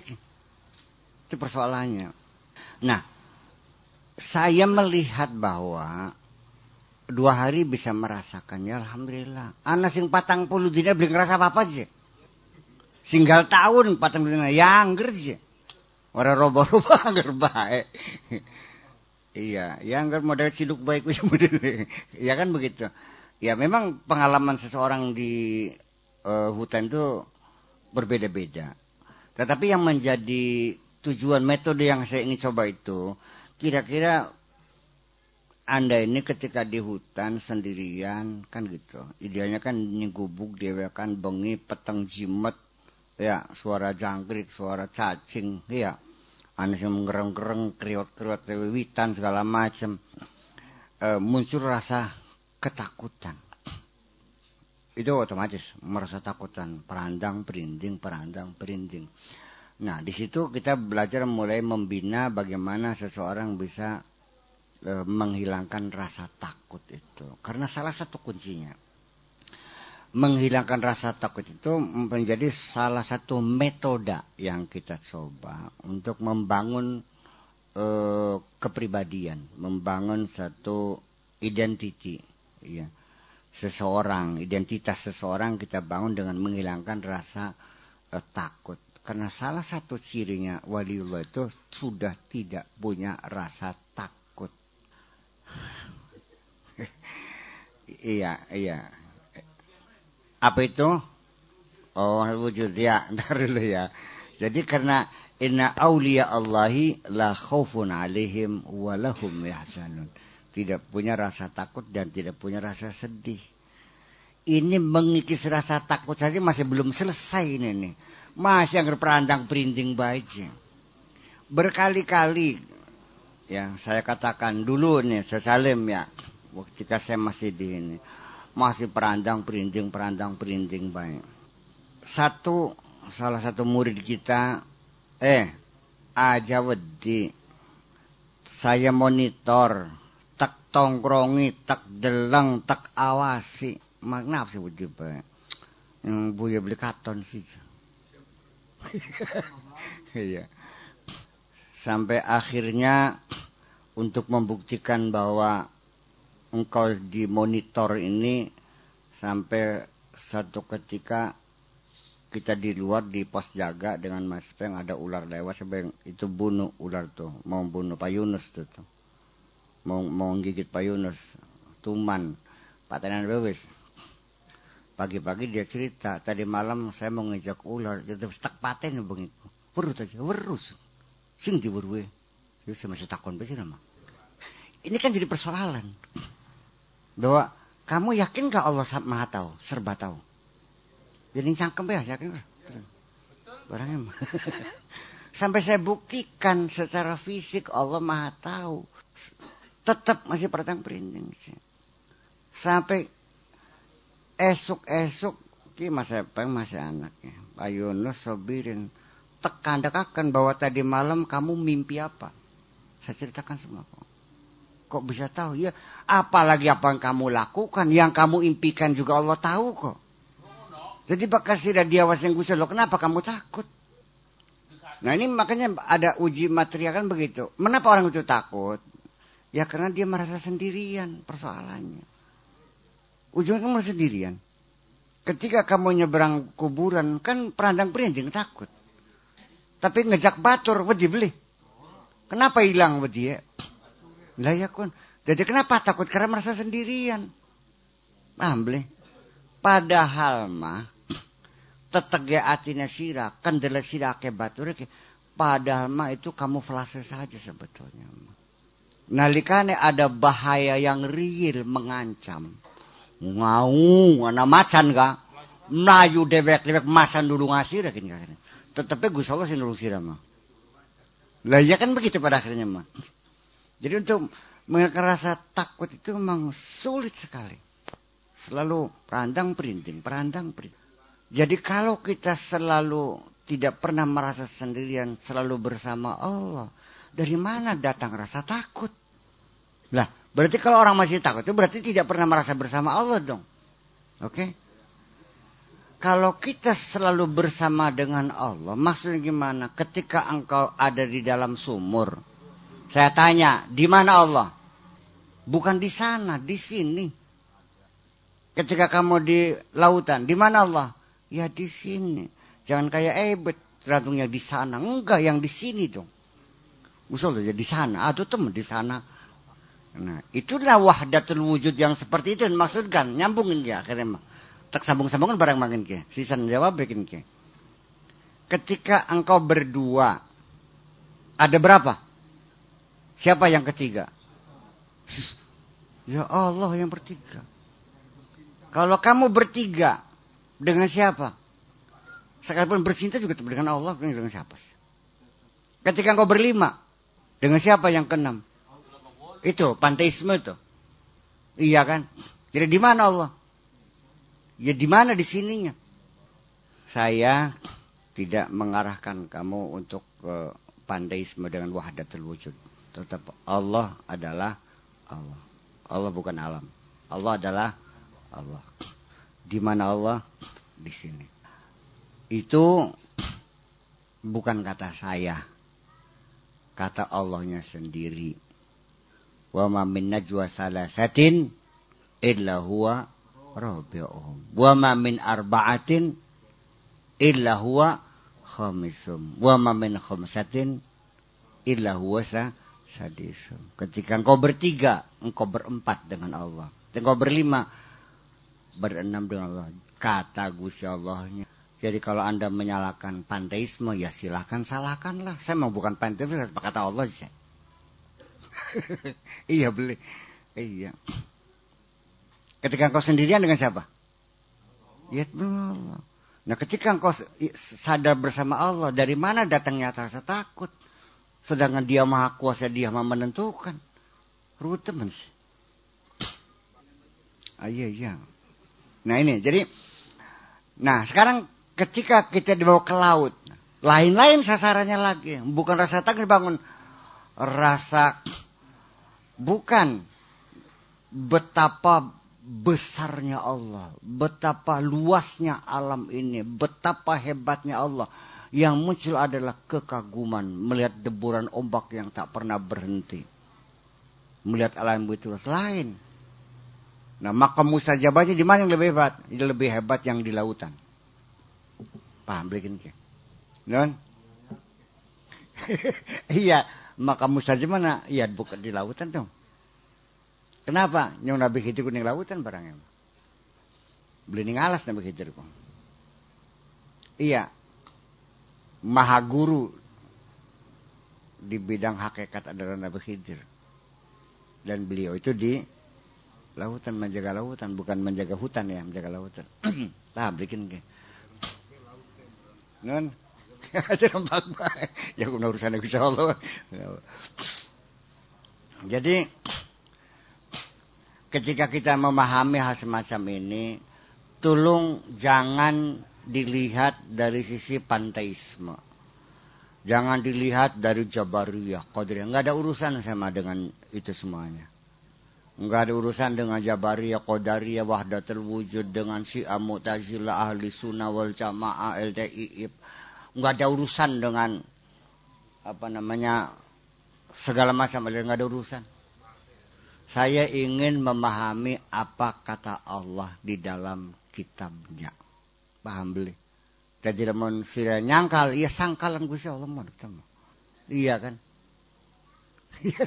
Jadi nanti kalau kita mulai berpikir secara sektarianisme, kita nggak akan bisa melihat objektif kepada persoalan. Paham beli? Selalu nantinya ini kalau tidak cocok dengan madhabnya, ayatnya ditakwilkan nantinya. Nih. Sambil cocok karo pahamnya, eh begitu kan?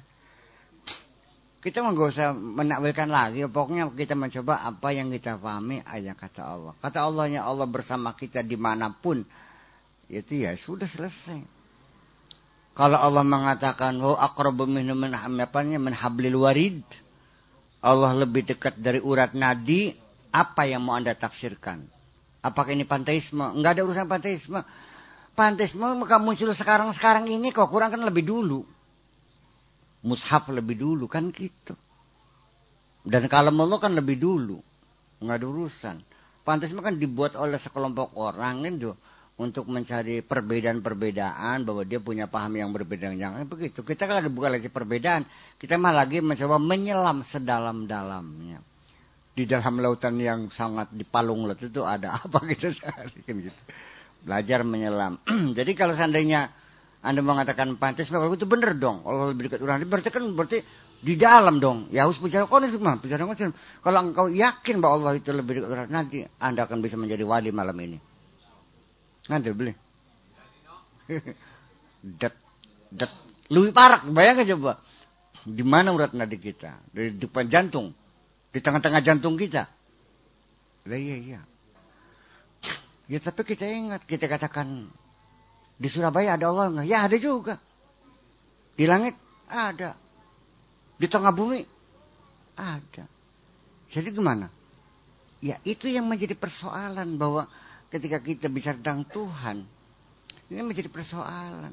Ya pertama ya yang diperlukan adalah persyaratannya ya kecerdasan juga sih.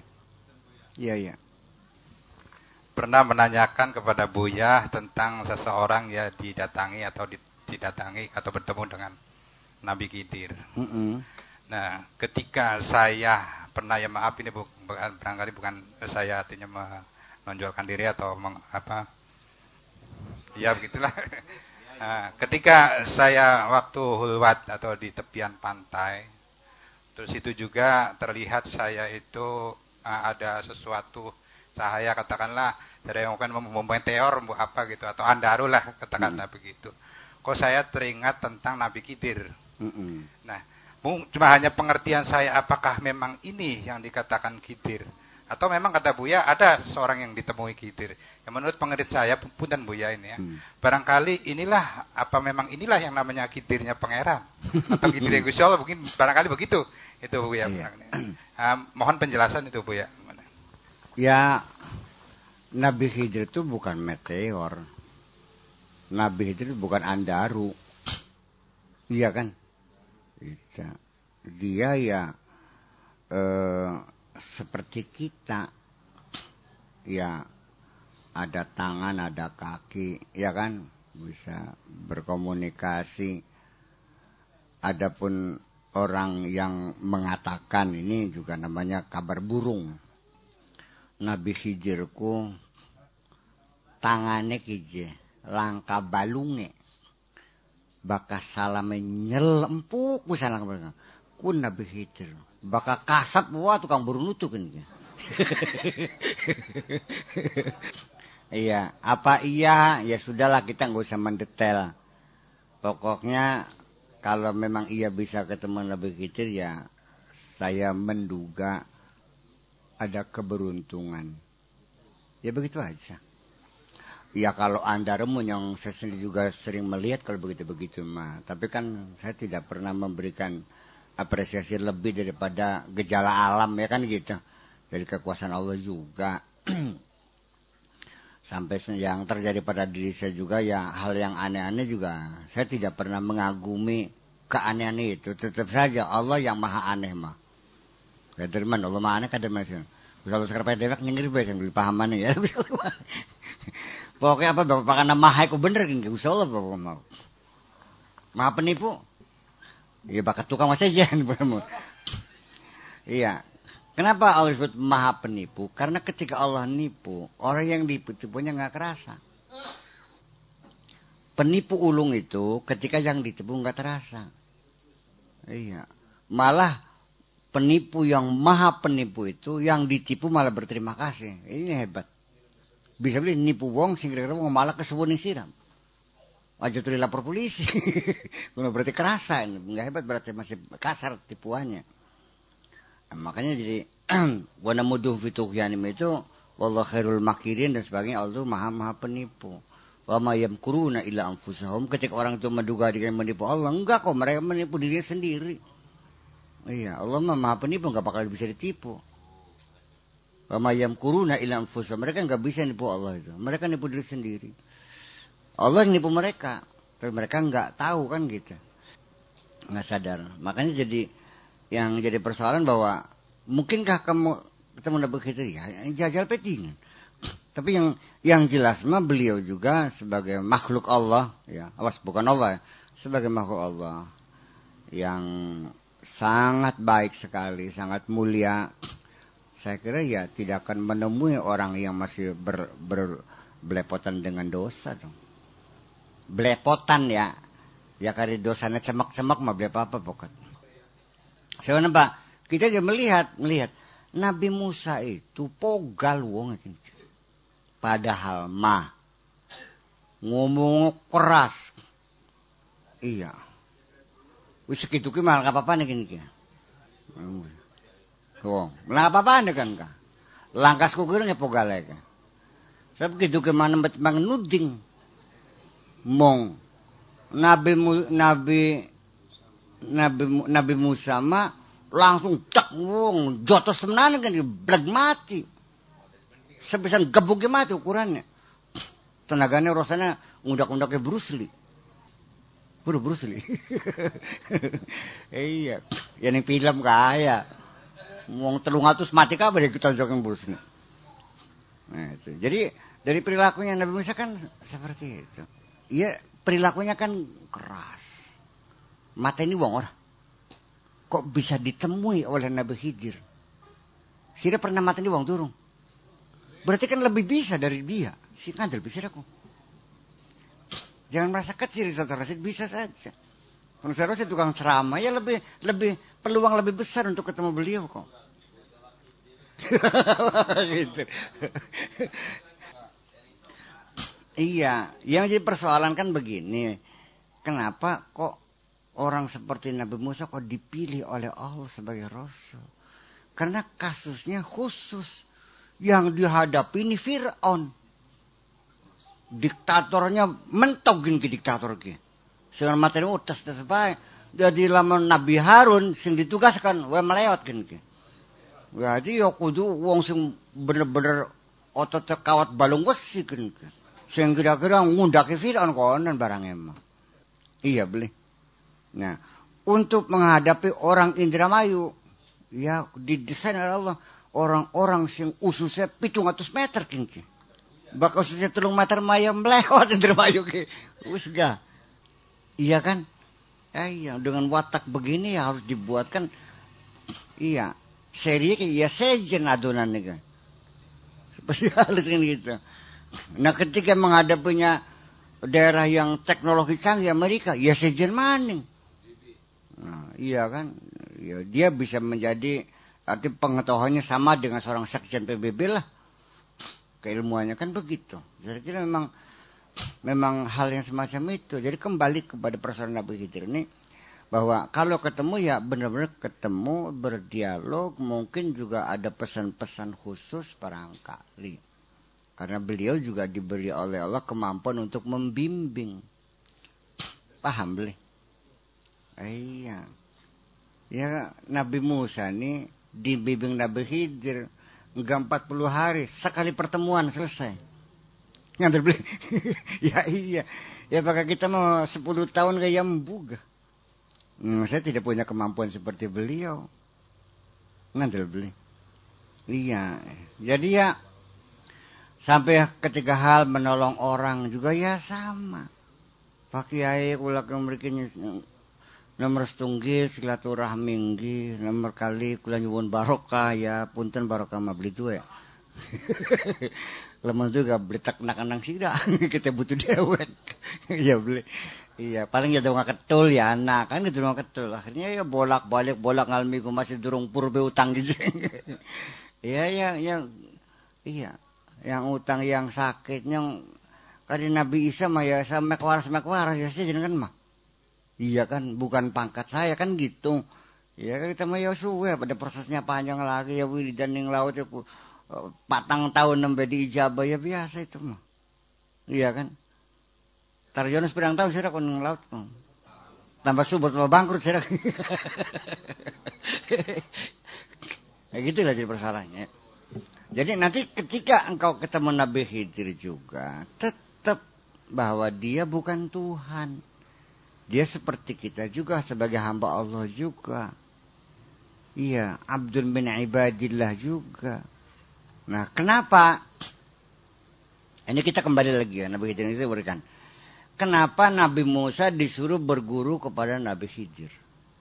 Ini kan berawal dari kecongkakan syariatnya Nabi Musa. Perang sana paling pinter dewek. Barangnya mah. Iya kan? Jadi di balik cerita dalam Al-Quran ada filosofis yang harus bisa kita tangkap. Aja kayak dongeng yang bocah cilik sih mah. Kayak dongeng menjelang tidur kan mah. Jangan jelas, jelas filosofisnya. Dia beranggapan bahwa di bidang ilmu syariat, tata negara, hukum, demokrasi, kan begitu. Dan macam dia paling. Di uji malaikat, ada nggak orang yang lebih pintar dari ente? Ya nggak ada. Keliru. Ada dong. Siapa? Itu namanya Abdullah Nabi Khidir. Iya kan begitu.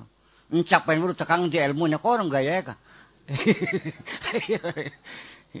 ini, ini logikanya sangat sederhana sekali. Begitu ketemu kan ditolak oleh Nabi Khidir. Percuma dah, lu nggak bakalan mampu gitu. Kayak apa sih emang ilmunya gitu. Ya, underestimate itu ada kan. Ini Rasulullah, ini Nabiullah. Khidir itu Nabiullah bukan Rasulullah, Nabiullah ya, ini Rasulullah. Dalam keilmuan ya tinggi Nabiullah, Nabi Khidir. Kan. Kalau Rasul kan pangkat kepangkatan dalam syariat. Dia punya tugas, punya visi dan misi ya kan membangun tatanan sosial itu persoalannya Rasul itu iya semakin penasaran kayak apa ilmunya kamu nggak bakal kuat dah di, di ultimatum nggak bakal kuat lu pulang aja dah lantas tati ma'aya sabro tidak akan tidak akan tidak akan kuat lah sabar sabar ku kuat bareng emang kamu tidak akan kuat bersamaku. Tidak akan mampu bersamaku. Apa alasannya nggak kuat? Desak maksa. Apa persyaratannya? La tas'alni hatta uhdisa laka khubra. Jangan bertanya, menunggu sampai aku beritahukan. Kecil bah syaratnya beli takon. Ya, ini persoalan kalau sudah masalah kayak ini. Yang kamu kira kecil-kecil malah justru itu yang berat menghilangkan rasa takut kecil si pribadi mana sih iya kan satajiduni insyaallah minas sabirin lamun bahasakan geus kuat bangsa urung lah kecil kono satajiduni bakal nemu panjenengan ni ingkula minas sabirin setengah saking wong kang sabar. Artinya aku sanggup. Ini coba dialog ini di dianalisa. Lalu dijawab oleh Nabi Khidir, dijawab lagi oleh Nabi Khidir, wa kaifa tasbiru ala malam tuhid bihi khubra. Atas dasar apa Anda bilang mampu, padahal Anda belum berpengalaman. Sudah berpengalaman belum? Belum. Atas dasar apa bilang mampu? Ya coba aja dulu. Oke, coba dulu mah. Barang yang makan. Iya kan? Ini kan berarti kan bahwa menyepelekan bahwa dikiranya tidak boleh bertanya itu mudah. Nah makanya maksudnya nanti dalam salah satu metode, salah satu metode yang sama dipakai setiap perguruan oleh para mursid ini, bahwa seorang murid ini harus memposisikan dirinya itu seperti mayat di tangan lebek. Ka'annaka mayitun baina yaday ghasilika.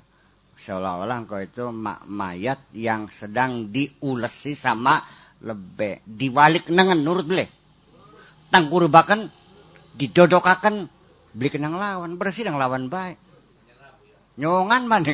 Metu nyongan dike ya, itu jadi persoalan. Jadi ada sabta marganya gitu. Ya nurut aja gitu. Sebenarnya setiap langkah setiap ucapan itu diuji terus proses. Dan tidak mungkin akan dilepas.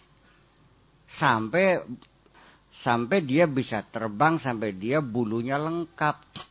Nah saya ini kan sering kali sayapnya belum lengkap sudah terbang. Yang nepluk, belikin peluk. Akhirnya digedulan bocah cilik ditaleni, dia ura-urakan. Pengalaman saya berulang-ulang kan begini. Betul, baru sadar. Kenapa keburu merasa aku sudah selesai perangsaannya. ya mending baca mati. Ya kan ditaleni di taleni sikil kalau benang dia ura-ura kan baca cilik kan. Yang dolanan akhirnya nah, itu. Jadi satu penyakitnya itu adalah di tengah perjalanan keburu beranggapan pelajaran sudah selesai. Sekarang ini pelajaran kamu baru sampai kelas 13. Ya masih. iya, masih tangan kin Ya. ya. Jadi yang persoalannya itu jadi jangan keburu merasa dirinya sudah sampai. Jadi engkau belum mencapai wasilin, masih tetap mubtadiin. iya. Non? Bu, kelas apa sih kelas pira gitu. Oh, ini penyakit salah satunya Pak, keburu merasa sudah bisa, merasa sudah ya wis kegunan kabeh lah ilmu nebuyak wis kegugunan kabeh kon ka mentok ketemu kabeh kuncinya ya lelas kunci mah gotongan kuncinya mah ya, itu tidak akan pernah berakhiran. Tidak akan pernah berakhiran pada akhirnya. Wa fawqa kulli ilmin alim. Sapinter-pinter kok ana maning sing kita kembali kepada pelajaran Nabi Musa suruh berguru Nabi Khidir hanya untuk membuktikan bahwa di atas kamu masih ada orang lebih pintar dari kamu kan gitu. Iya kan? Hmm. ya engkone bakal bisa wali mah belum mungkin rasa paling hebat belum mungkin. Semakin jadi wali semakin dur wali pangkat wali liane. Lama kasih jadi wali kan no bokat kan? Iya. Tambah dur pangkat duduk tambah sombong malah tambah deluk nah ini kan ilmu yang pariko dinggo tambah kebek isini tambah Daluk beli tambahan dengak beli bakasnya dengak gabuk kan kak. iya. Iya. Nah ini jadi apa namanya punya sekali mengulas. Nah orang ini apalagi yang baru mendengar di radio, baru ketemu sekali, sangat tidak mengerti pikiran-pikiran saya. Nyong singgal dina ngaji masih beli paham-paham baik. Bute teryono masih belum ngerti Padahal kemis teka, Jumat teka, bengi Sabtu laut pekat, tapi ya masih belum ngerti Apa maning ngurungusin kadoan. Iya kan akhirnya. Nah makanya jadi, tetapi uh, dugaan ini sudah mulai hilang sekarang. Ketika media elektronika, ya, media cetak, sering mengekspos ya radar Cirebon dan sebagainya. Kan begitu radio Akuani Abadi sis FM apa? Sis FM ya? Sis FM Arjawanangun kemudian juga Fajar sebagai Cirebon sebagai Subang di Bagasnya Bagas juga menyiarkan. Baru sekarang setelah tiap hari mendengarkan baru kesalahpahaman kesalahan tuh bisa dianulir sedikit sedikit dianulir mulai oh itu sampai sering setiap hari ada aja orang datang. Itu konfirmasi. Kepengen berhubung kayak ngapa sih jeneng radio akabanyak akuaning CFM ke ya. Dan banyak yang datang karena banyak mendengarkan sis FM Arjunangun tuh bilang bokotku bohong gue diduwur ya. Ya kun sih pakai yang ada duwur ya mainnya gak kelambinnya XL Rokoknya gue garam apa Samsu iya kan gitu. Ya macam-macam lah gitu. Kesukaan kesukaannya belum tahu. Itu jadi ya e, barangkali saja e, saya perlu memang kalau tidak ditanya kadang-kadang otak saya itu tidak aktif. Jadi kudu ditata kebendas gitu benar-benar. Jadi kalau tidak di, di, dipertanyakan ya saya nggak tahu apa yang bisa jelaskan. Makanya forum dialog itu terbuka. Kan begitu. Jadi satu, saya sendiri membaca apa yang belum Anda mengerti. Itu yang lebih penting. Jadi bukan menyampaikan pengertian saya, tapi juga melalui dialog ini saya bisa oh jadi yang dimengerti dari sisi ini. Di situlah bahwa e, faedahnya dialog itu adalah e, membuka peluang bagi saya untuk menjelaskan lebih e, gamblang, lebih menjelas, lebih apa? Lebih lugas, lebih tuntas, lebih mendetail sehingga keraguan-keraguan itu bisa dihilangkan. Ini pun sekedar pendekatan rasional. Paham nih? Jadi beli ujuk-ujuk karena ngaji ini karena tulis bener. Hmm, kari ilmu mas sebagai ilmu, anggapnya bener mah. iya kan? Iya gitu. Nah, yang diberikan mujahadanya ini ya kan mujahadah itu. Nah, lalu akhirnya muncul pertanyaan metodenya bagaimana? Ya metodenya tidak seragam ya. Tidak ada kurikulum yang menjadi apa kurikulum yang yang dipakai sama. Karena itu sangat kasuistik ya.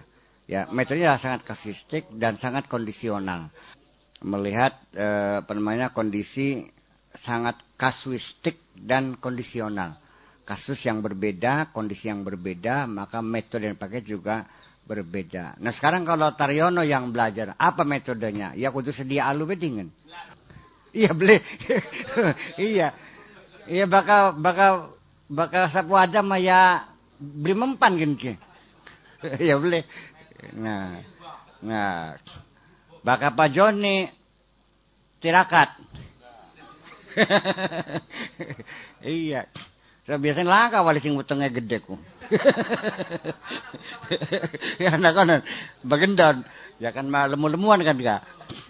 Nah, itu saya kira mungkin itulah jadi ini hanya sebagai satu pendekatan rasional tapi saya yakin dari mulai di di dalam kepala kita sudah masuk barangkali saja lama kelamaan bisa turun sampai ke hati kan lama-lama gitu. Ya, assalamualaikum.